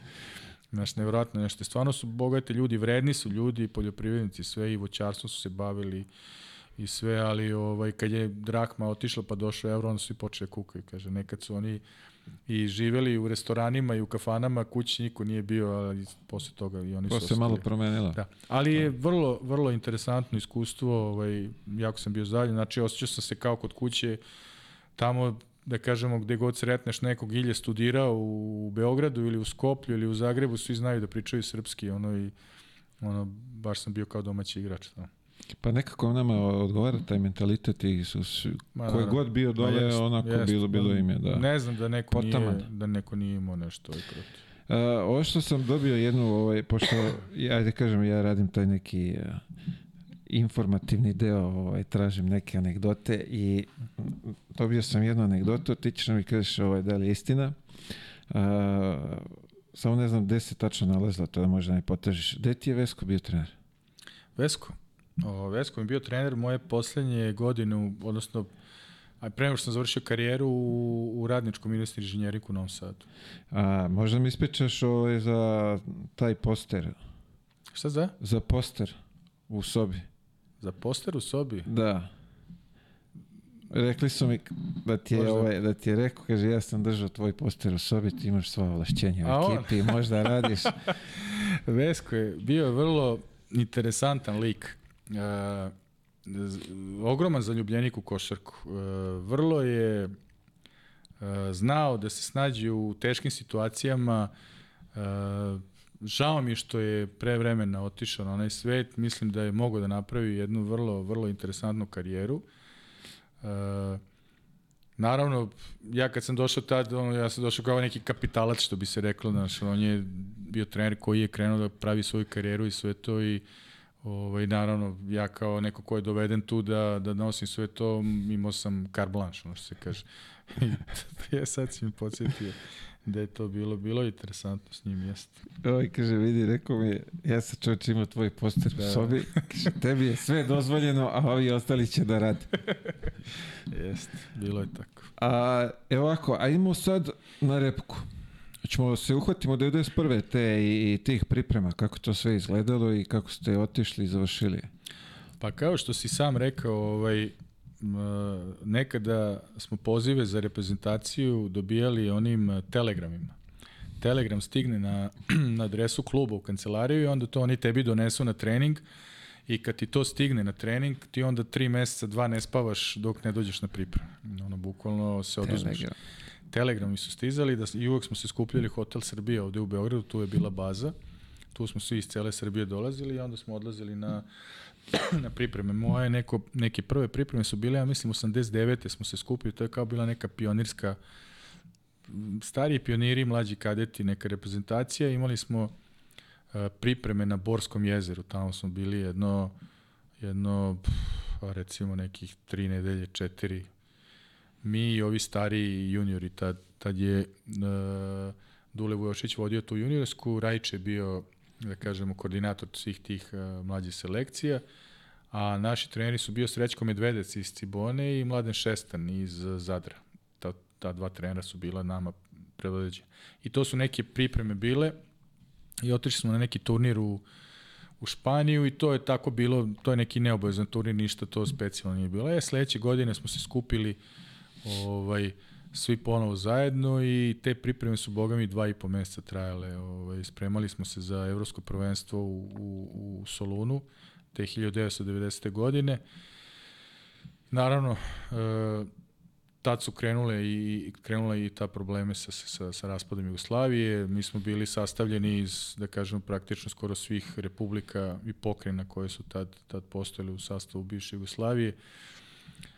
Mnogo smo trenirali, mnogo smo se družili, mnogo smo suza, znoja, svega toga prolili, proputovali mnogo turnira da bi na sedam dana pred početak ovaj, tog evropskog prvenstva u Solunu bili na završnim pripremama u, u, ovaj, u Skoplju, ali pre, pre, pre tih završnih priprema su imali jedne pripreme u, na Bilolasici kod Ogulina u Hrvatskoj, kada je praktično počeo rat u, u, u, u Sloveniji i onda smo prekinuli pripreme i moram tu jednu anegdotu da ispričam, ne znam da li je Sinđa to pričao ili nije, ovaj, po nas je došao autobus Pirot Trans. Sad možda zamisliš u ono vreme kad je krenula ta frka, ne znam ja, i Srbija i Hrvatska i Srbija, odnosno cela Jugoslavija i Slovenija, Piro Trans ide, ne znam ja, dolazi u, u Zagreb pa se penje gore na Bilolasicu kod Ogulina da ne znam ja šta radi. I mi smo sad ostavili hrvatske reprezentativce i ove slovenačke, odnosno naše saigrače u Zagrebu i nastavili smo autoputem Bratstvo jedinstva za Beograd. I negde tu pred današnju granicu, pred Batrovce, odjednom sa svih strana čoveče iskrču specijalci. E, hrvatski zengovci, ne znam ja, policija njihova, opkoljavaju nas, ono, puške na nišan, sve, a u autobusu, kod nas, e, mislim da je bio samo jedan doktor iz, iz, iz Srbije i svi ostali smo mi igrači, jer e, stručni štab je tad činio dva trenera iz Hrvatske i i mislim da je bio fizioterapeut iz Hrvatske i igrači, oni su ostali, a s nama se vraćao ovaj, naš doktor. I oni nas zaustavili, opkolili, i ono gleda, mi klinci, ne znam ja što, na što to, je, to je stvarno bilo onako malo šok za nas. Ali smo opet s druge strane bili neozbiljni, deca šta smo mi znali šta je, šta je rat i sve to. I sad došao neki njihov kapetan, ono kaže, dobili smo dojavu da ne znam, nije pun autobus, nekih, ne znam, nija ubačenih terorista, ide kroz Hrvatsku i ovi mi moramo ga zaustaviti. Kad su, su mi deca, dok su oni uspeli da to, ne znam, nije dojave Košarkaškom savezu Hrvatske, pa onda ovi savezu Srb, Jugoslavije tada, oni su nas držali on sat, sat i po vremena tu zarobljene i onda wow. su nas tek posle toga pustili i došli smo ovaj, u, u Srbiju i onda smo imali pauzu jedno nedelju dana, prekinuli smo dve dok se to nije sredilo i onda smo se skupili ponovo u Novom Bečeju i posle Novog Bečeja smo otišli na neke zajedničke pripreme i posle toga se vraćamo na ovaj, na te završne pripreme u, u Skoplje i na sedam dana pred odlazak na evropsko prvenstvo stiže ono direktiva, odnosno na, naredba da se reprezentativci koji dolaze iz Slovenije i Hrvatske mora da vrate u svoje mhm. matične zemlje. Mi smo tada ostali bez tri igrača iz prve postoje, tad je bio jedan Kalamiza iz Cibone, bio je Mate Skelin iz Cibone i bio je Slave Rimac iz Cibone. Plus jedan momak, ja sad ne tačno setim ko je bio iz, iz, iz Ljubljane, mislim da je Taler bio, ako se ne varam, i otac od Luke Dončića, Saša Dončić. Ali Saša Dončić, pošto je bio naš, on nije hteo da se vrati, on je njima rekao, ja ne idem kući, ja ostajem sa mojim drugarima ovde, tako da je Saša Dončić ostao s nama ovaj, na pripremama i kasnije na tom evropskom prvenstvu, a ovaj, taj rastanak na, na aerodromu u Skoplju je bio onako vrlo divljiv i jako težak za sve nas. Ono, mi smo imali neku, neku, neki naš ritual kad smo vežbali odbranu, to je bilo ono kao odbrana, pa ne znam, aplauz, pa onda step u mestu, pa ne znam, nešto smo se bodrili, ono, poluamerička neka fora, ono, pa I mi smo tad na aerodromu tako isplatili naše drugare koji su otišli ovaj, za Hrvatsku. To su bili su, ceo aerodrom je plakao tada. Da, Svi putnici koji su bili tu, ono, treneri nisu mogli, ono, da, znači to je jako dirljiva scena.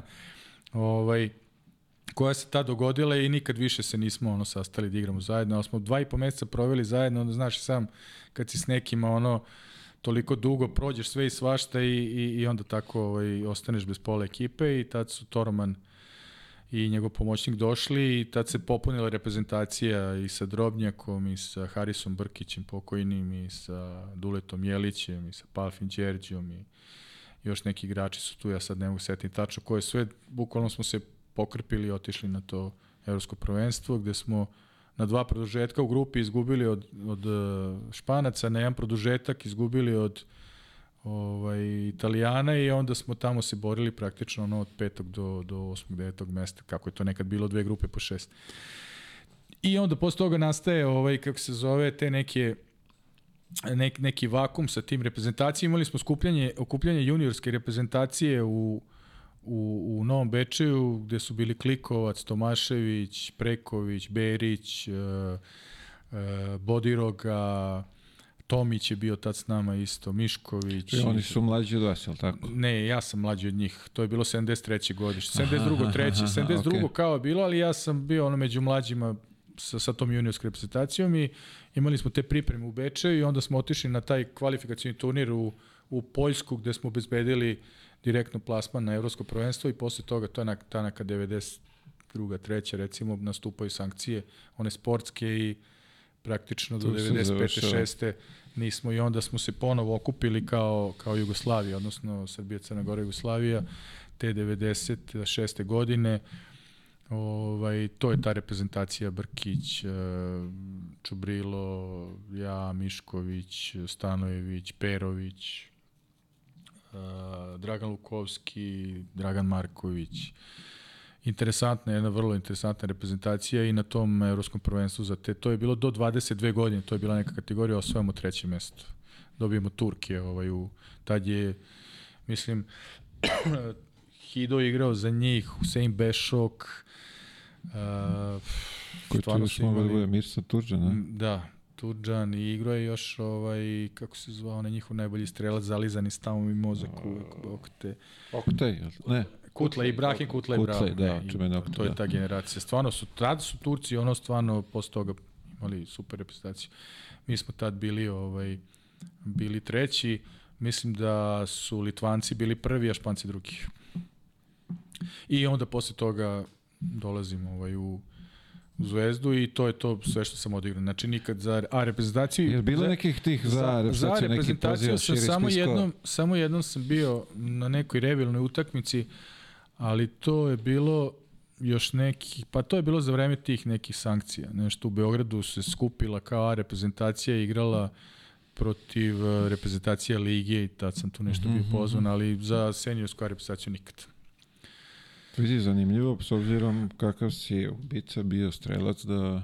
Pa, to je jedina žal, što ja kažem, ono, što se kaže, ovaj, uvek sam se trudio, dao sam maksimum, sad to nije bilo samo na meni da, Jasno. da se nađem na tom spisku i na, ovaj, na tom pozivu, tu su bili mnogo ozbiljniji i veći igrači od mene i naravno da je bila konkurencija u ono vreme užasno velika, pogotovo na poziciji beka šutera. Da, znači, da.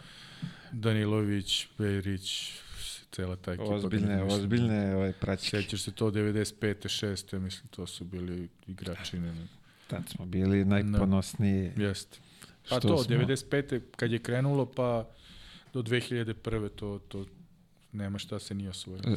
Zlatna era, zlatna era naše košarke, da. Bukvalno.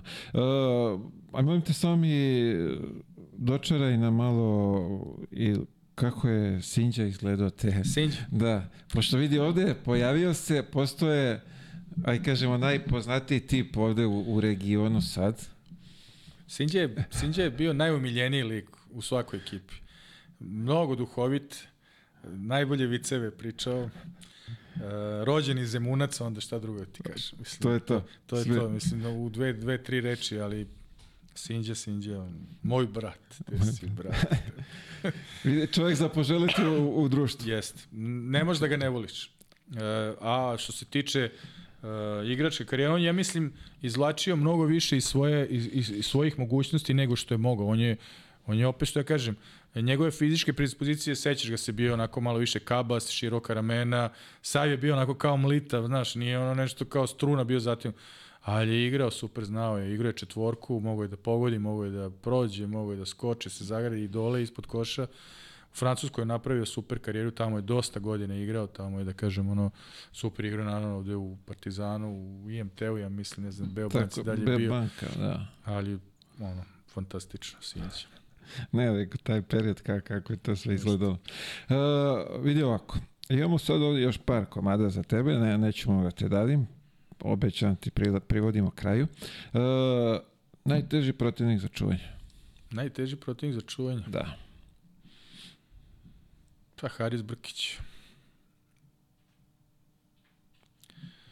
Nisam Haris je, bio, da, ali... Haris je bio nezgodan. Ja sam obožavao da čuvam američke igrače. Ovaj. Svi kažu kakav si ti bio obrambeni igrač. Pa vidi, ono, kad sam igrao u Zvezdi i te, i tu nije bilo, pardona, morao se igraš i napad i odbran. Ali što se tiče ovako tih nekih sa, sa igrača, ovaj, sigurno da je, da je Haris bio i veoma nezgodan. Uh, ajde, da izvojiš nekog talentovanog klinca koji je rastao uz tebe po tim nekim klubovima našim ovde. Jovo Stanović. Jova Stanović. Da. Mi smo, recimo, Jova je, ja kad sam ono već igrao za prvi tim Vojvodine, on je tad iz Odžaka došao u Novi Sad, bio je onako sav žgoljav, sa široka ramena, ono, uski kukovi, bio onako stvarno kao karikatura. Međutim, ovaj, vremenom je stvarno ono, ćutljiv, radan, vredan, on i Vesa Petrović, to su ta generacija u Vojvodini, bilo je tu još par klinaca, ali njih Tako je dvojica Vesa su krenuo iz da. Novog Sada, da. iz Novog Sada. To je ta generacija kad su se priključili u prvom timu, eto, sa, sa Jovom sam ja recimo Stanovićem najviše igrao, bukvalno kako se priključio prvom timu, zajedno smo posle nas dvojice i došli u Crvenu zvezdu 96. pa smo još četiri godine igrali, znači mi smo 9-10 godina zajedno igrali s njim samo. Znali smo se ono u ono u Mali U prst, pogled, što bi se rekla, reklo. da.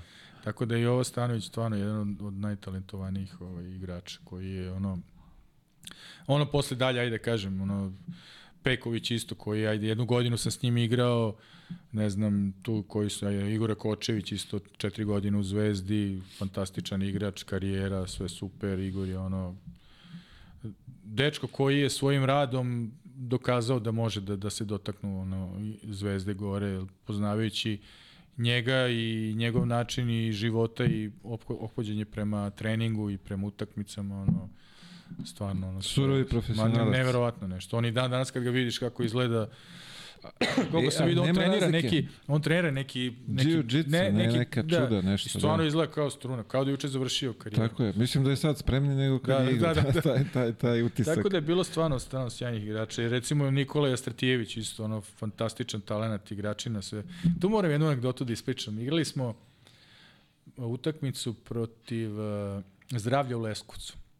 I svi znaju ko je Žuća Mitić, sigurno. I sad pripremamo mi utakmicu i sad radimo scout i kako ćemo da, da, kako sad centri treba da čuvaju Žuću Mitića i sad ja Jestri kažem, Jestro, brate, molim te, znači prvi njegov kontakt s loptom, idem u finta tebi preko glave da će da dode na suprotnu stranu, nemoj, molim te da popaseš tu fintu i da se okreneš, jer onda diže se i hala i sve i ode u tri lepe.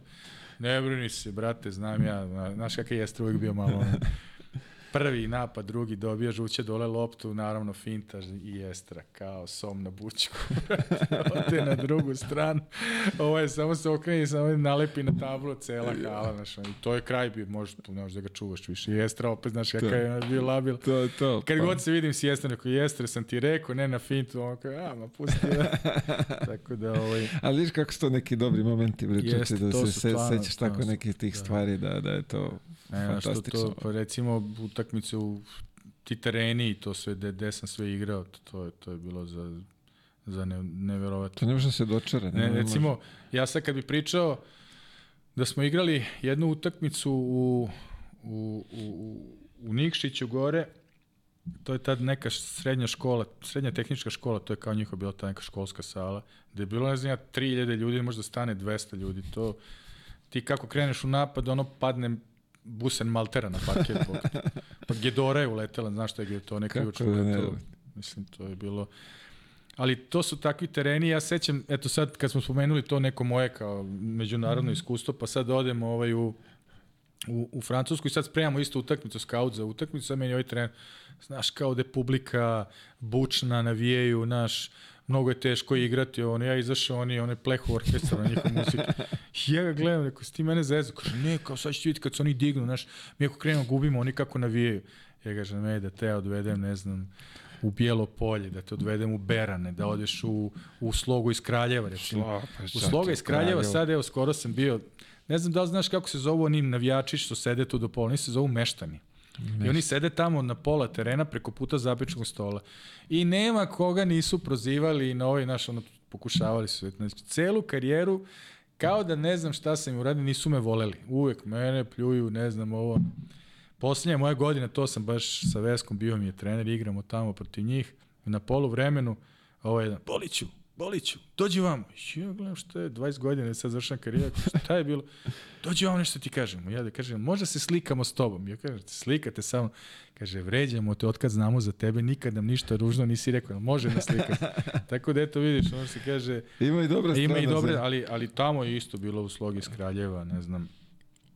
Oni tereni po, po, po Crnoj Gori, to je stvarno bilo isto. Ne znam, Cetinje, Cetinje, je- Nikšić. Bože. Mornar iz Bara, kad su igrao na ovih osnovne škole Jugoslavije, tamo prvo to se klizalo kao da si igrao, ne znam, nije po pesku i po, po ne znam čemu, ono, po ledu, to, to je bilo nemoguće. Pa, Pa i sećaš je, se- Leskovac je pa dobro, bio Lesko, isto. sećaš se ono brzo vreme, sporo vreme, znaš, oni kad vode, vreme brzo prolazi, kad gube, nikada se završi, pa isto i Šabac, ne znam ja, dok je Stepi bio tamo, E, nisam tamo, nisam igrao. Šabac to nikada utakmice da prođe, to, to je bilo svaka, svaka Dobro, sa Stepijem je uvek bilo... Ovaj. Ja se sećam recimo utakmice igramo u u toj gradskoj hali, mislim u Podgorici, ona njihova velika hala, su bila prirodna ventilacija, razbini prozori, bilo hladno unutra, bilo grejanje. To je sad, Prirodna to ventilacija. Da, šta ti. Ali vidi, to je sve, ono, to nas je, ajde, podiglo, napravilo nas Pa tim jeste. nekim igračima, svi ti tereni to Pa kroz što smo prošli. Nikome tu nije falila dlaka s glave, da me ne shvati neko pogrešno. Ali je svako voleo da navija za svoju ekipu i trudili su na sve moguće načine da te ovaj spreče da ti pobediš. Tak.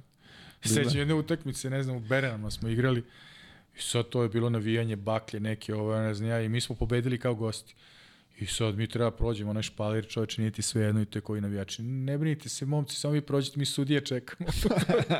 Znaš, uvek sudije krive. Vi ste bezbedni, ali ova trojica, ne, tad je bilo dvojica. To je bilo zanimljivo sa tim sudijama isto doživlje. Ja sam, ono, ajde da kažem, opet koristio neku svoju ovaj, do, dovitljivost i neku ideju. Kad god su mi sudile mlađe sudije, ja kažem, e, nek ste došli vi mlađi, ovi stariji, bre, nadobudni, znaš, ono, valjda im je dosadno, mnogo više volim kad vi mlađi sudite. Onda opet kad dođe ovi stariji, reko, vidi, ovi mlađi, bre, ne znaju da sude, misle da znaju vi stariji, nek ste došli, samo vi stariji kad sudite, znaš.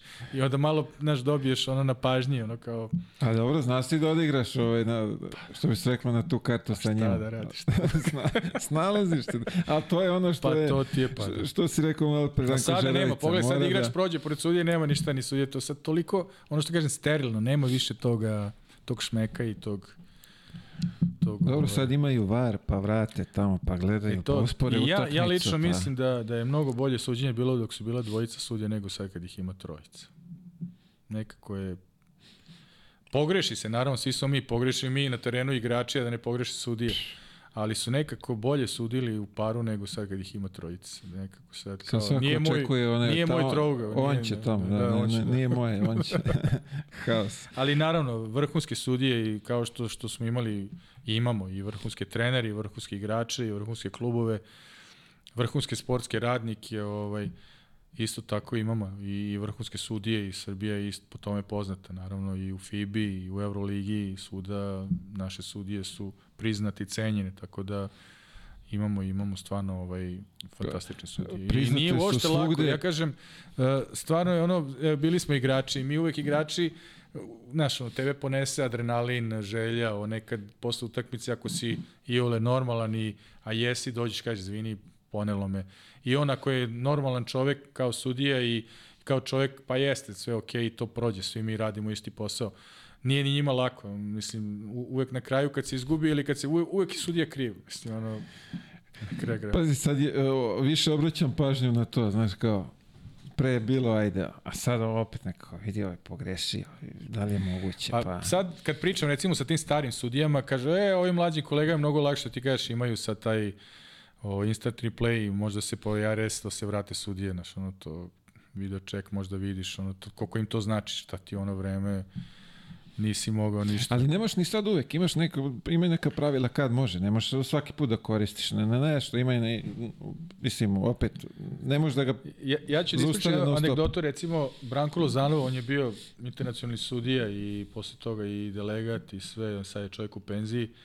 Pričao mi je dogodoštini, sudili su oni njegov kolega, ne znam tačno ko jednu utakmicu u Subotici, stare Jugoslavije. I ovaj, dogodila se situacija sad neizvesna rezultat do kraja i po ova, kako se zove, Uh, protivnič, i protivnički igrač postiže koš, sad dalje bilo u toku vremena ili je isteklo vreme i sad neće tu niko razumeš da jel, navijači čekaju linč. Sad dalje koš, nije koš, jel pobedili domaći, izgubili i on se seti, pazi u tom momentu da on koliko je bio, razumeš, ono inteligentan i da kažem do, dosetljiv, dovitljiv prilazi direkt, uh, prilazi predsedniku Spartaka i kaže mu ovaj, kao jer se slažeš da nije bio koš, jer se slažeš da nije bio koš, i ako klima glavom, ovaj ovaj kao, da, slažem se, i on se okreće ovako i, i pokazuje koš da se važi. Šta će ovaj, razumeš, kaže, složio se predsednik kluba, razumeš, ovaj pita, kaže, jeste, koš. ja, A koš, a ovi ostali, niko nije znao što je on njega pitao. ja. Ali opet to ti Pa ne, ali da, pazi to u to vreme. Tako to možeš budeš dovitljiv u tom, u toj milisekundi da, da, da, da, da Pa izbegneš. To, ajde, to nek sudije kad ti budu dolazili, nek oni pričaju. Tu je bilo stvarno isto dugodoštin. Ni njima nije lako. Pa Znaš. de je lako, mislim, uopšte, pogotovo ovo je ludo Mi smo atmosfere. nekako ipak u grupi, pa kad se nego imaš s kim da se boriš, da se braniš, a šta tebe kad ti sam napadnete, oni mislim, naravno, sad je to daleko više drugačije, ali u ono vreme je to bilo isto, ovaj, vrući tereni su to bili. Da ne pričamo na ovim nižim ligama.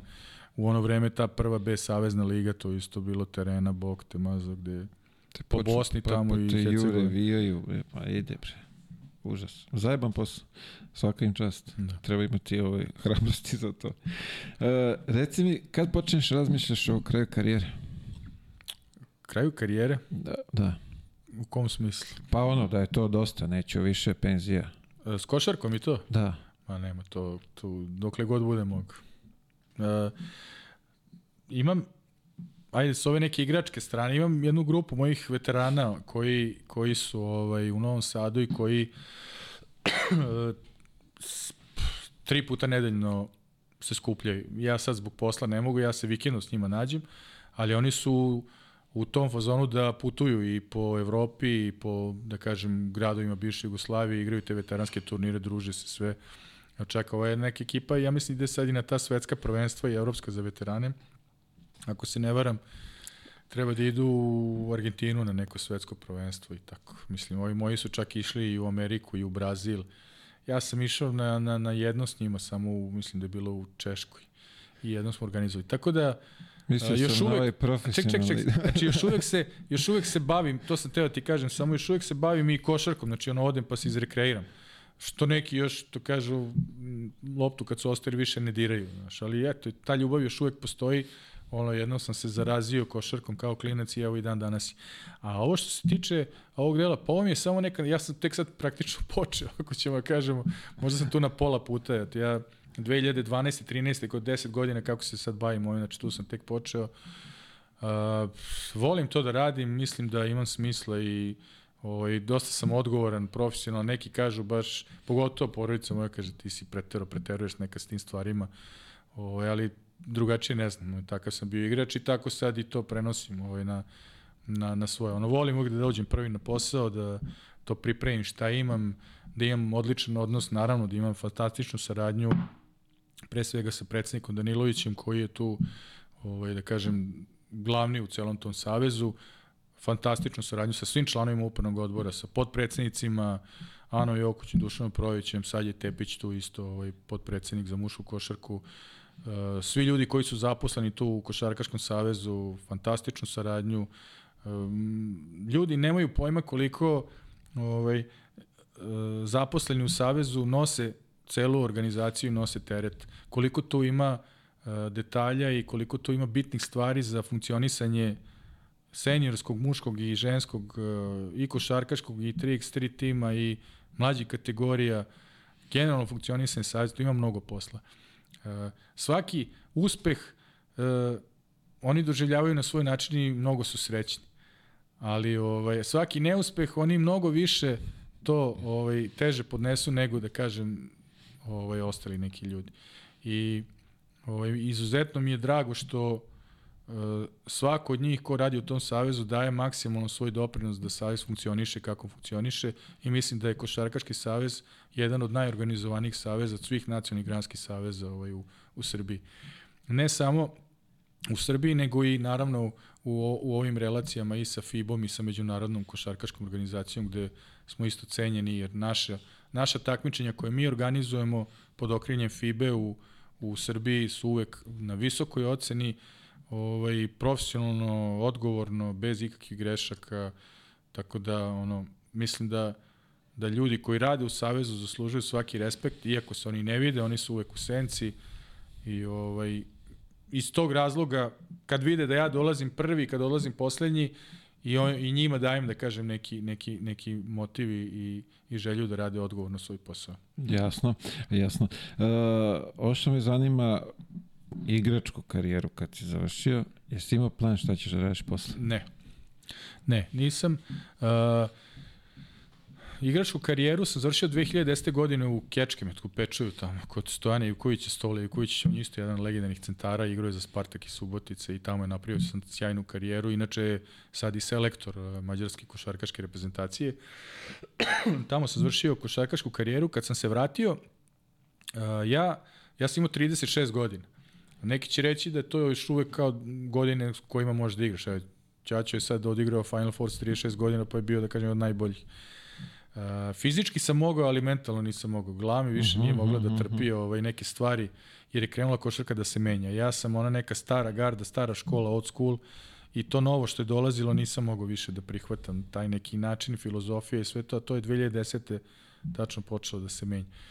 Fizički sam mogao još i iz tog razloga nisam ni znao šta ću i onda sam ovaj, razmišljao jednu godinu, godinu i po dana i posle toga sam, da kažem, ono, sa, sa dva, tri moje drugara osnovao taj klub i evo, taj klub još uvijek živi u Novom Sadu, radi, imamo oko 100 klinaca, imamo dva trenera i tako.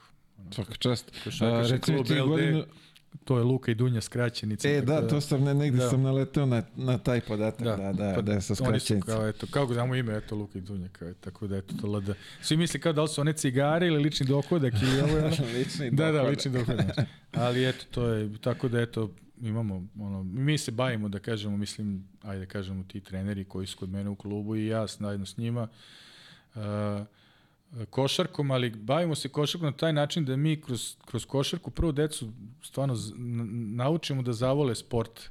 I stalno roditeljima pričamo da ne treba da gledaju rezultat i da ne treba da gledaju uh, da li smo nekog pobedili ili koliko smo pobedili, koliko smo izgubili nego da, da, da deca steknu naviku da, da imaju neku obavezu u životu da se bave sportom. Da li će to biti košarka, futbol, odbojka, vaterpolo, rukomet ili nešto treće, nebitno. Bitno je da budu u sportu i da kroz taj sport i kroz to što smo mi dobili i naučili i ja, i, odnosno i kolege moje i ja, ovaj, da, da to deca nauče. Jer pretpostavljamo da tako kako mi njih vaspitavamo na tom treningu, da i ti roditelji žele da ih vaspitavaju kod njih kući. I stvarno imamo uspeha i nemamo taj problem. I u toj školi u kojoj držimo, da kažemo, te treninge, sa direktorom škole imamo fantastičnu saradnju sa tim nastavnicima, uvek se prave ono dogovori sad kao, e, popustio školi, sad ćemo mi malo da ga kao kaznimo, pa onda on kad dođe, vi ga opet malo tamo kazni, recimo da će opet biti kažnjen od treninga. Imaš instrument da onda, ej, nećeš doći na trening, nećeš moći da, ove, neć, nećeš popraviti oči, doći. doći na trening. Tako da, ovo, eto, to Što je... je redka stvar, moram priznati, Da, da. ali je dobro. Da, i Da onda nađeš, nauči. da kažemo, model i to je to. Tako da, eto. E sad, kad ću da batalim totalno košarku, mislim nikad. Mislim da nikad. Svaka ti čast. Svaka ti čast. Ja ti držim ovaj. Da. Hvala ti. Podržavam te na, na tom putu da to. Jedino ako me budu najurili rekli da ne znam i da ne valjam, e, onda će se povući šta. Dobro, imaju se ove, kako zove, imaju one, one selekcije plus 50, plus 60, pa polako. Da. Pa sad sam, sad još malo plus 50. A eto vidiš, znači Počeo posle sam već pa- i švercuju me, znaš. Švercuju me, ali sad od sledeće godine ću. Izgledaš mladoliko. Da, da, da. da, hvala. Uh, daj nam savjet za mlade na kraju. Z- šta bi, šta bi im ovaj, najviše savjetovao vezano za, za, za, za, za bavljanje košarkom kao košarke. Znači, košarka je jedan stvarno lep i, i vrlo zahtevan sport, ali zahtevan je zato što mora mnogo da se trenira. Znači, mora mnogo da se trenira. Ono što se trenira sa trenerima uh, nikad neće biti dovoljno da postaneš još bolji. Uvek moraš sam da treniraš. Uzmi loptu, sad bar ima po, po Srbiji, po svim gradovima fantastični otvoreni tereni. Ne treba ti drugar. Možeš sam da odiš. Neke stvari možeš sam da radiš i onda to posle nadogradiš. Slušajte trenere. Treneri sigurno mnogo znaju i ja sam sve naučio od svog trenera. Nije mene naučila ni mama, ni tata, ni baba, ni deda. Treneri su me naučili košarci. Sve je to lepo. Mama i tata, super. Idite u pozorište, idite na letovanje, zimovanje, ali pustite trenere, slušajte trenere šta vam pričaju. Treneri znaju šta je za vas najbolje. I vredno trenirajte, nikad zapamtite jednu stvar, koliko god da si danas trenirao, nikad neće biti dosta. Uvijek će ti faliti još malo. Naravno, tu su škole i obaveze i ove druge stvari koje su vrlo bitne, ali ako, se, ako pričamo o samom treningu, znači rad, rad, rad, uvek će ti se, nemoj da misliš, nemoj da misliš da ćeš ovaj, sa 15-16 godina već voziti i Ferrari imati 100 miliona u džepu i ne znam ja da te sve sačeka i neće ti ništa pobeći. Sve će ti to doći. Uh, ako dobro radiš, rezultat će doći posle. U sportu nema improvizacije. Posledica će doći i novac, i kola, i sve šta treba da ide. Privilegije ali, i, i Tako je da, ali do tad ima da oznojiš, što bi se reklo, dupe pošteno da bi stigao do, do, do, do toga. Uh, Zlatko, hvala ti na izdvojeno vremene. Poprilično smo ovaj poprilično smo ti vremena oduzeli. Nadam se da si uživao, da nije bilo ništa naporno, nisi se znojio, znojio na, na pitanja. Ne, Tako ovaj, da- hvala tebi na pozivu. Što kažem, jesmo se čuli i ranije, ali zbog obaveza nije moglo da se to ostvari. Sve je to normalno. E, izuzetno sam zadovoljan i jako mi drago i kako ti vodiš ovaj tvoj program i kako to izgleda i čuo sam komentari drugih ljudi.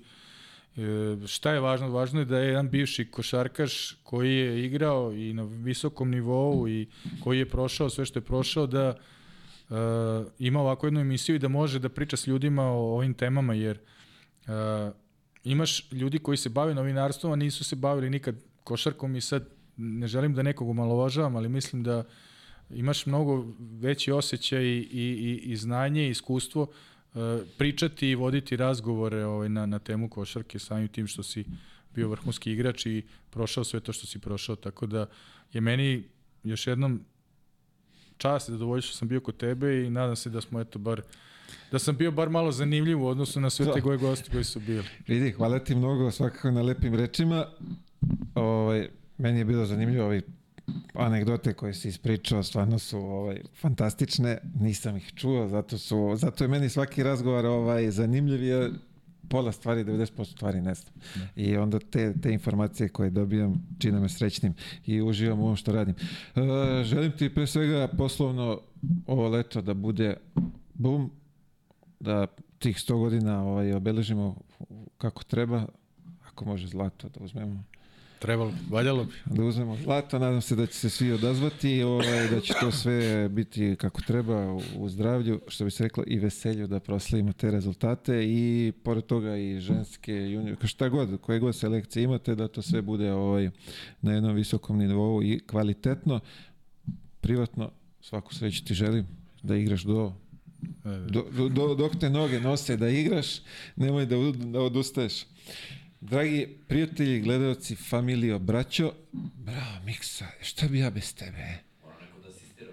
Opa, vidio, šta bi ja bez tebe odjavio bi emisiju? Ne može. Vlatko, potpis jedan.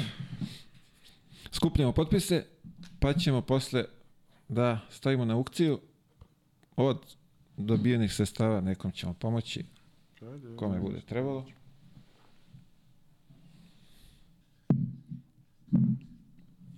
Kako si me spasio, Miksa, svaka ti čast. Evo Bravo. E, i ovde imamo našeg sponzora, Matijašević, Vinogradi, Rock and Rose, kažu idu topla, ovaj, sada ovi topli dani, a ti možeš da, da, raskladimo, malo da se raslaziš uz u što već ide ro, ro, roze, to verovatno ide uz neko, neku ribu, nešto laganije, ali kod nas ide u sve, šta god da piješ, može, ovaj, nema, nema ovaj, neko piće da ne štima. Još jednom, hvala mnogo, poštovana gospodo, hvala i vama na izvojenom vremenu i vidimo se već sledeće srede. Svako dobro.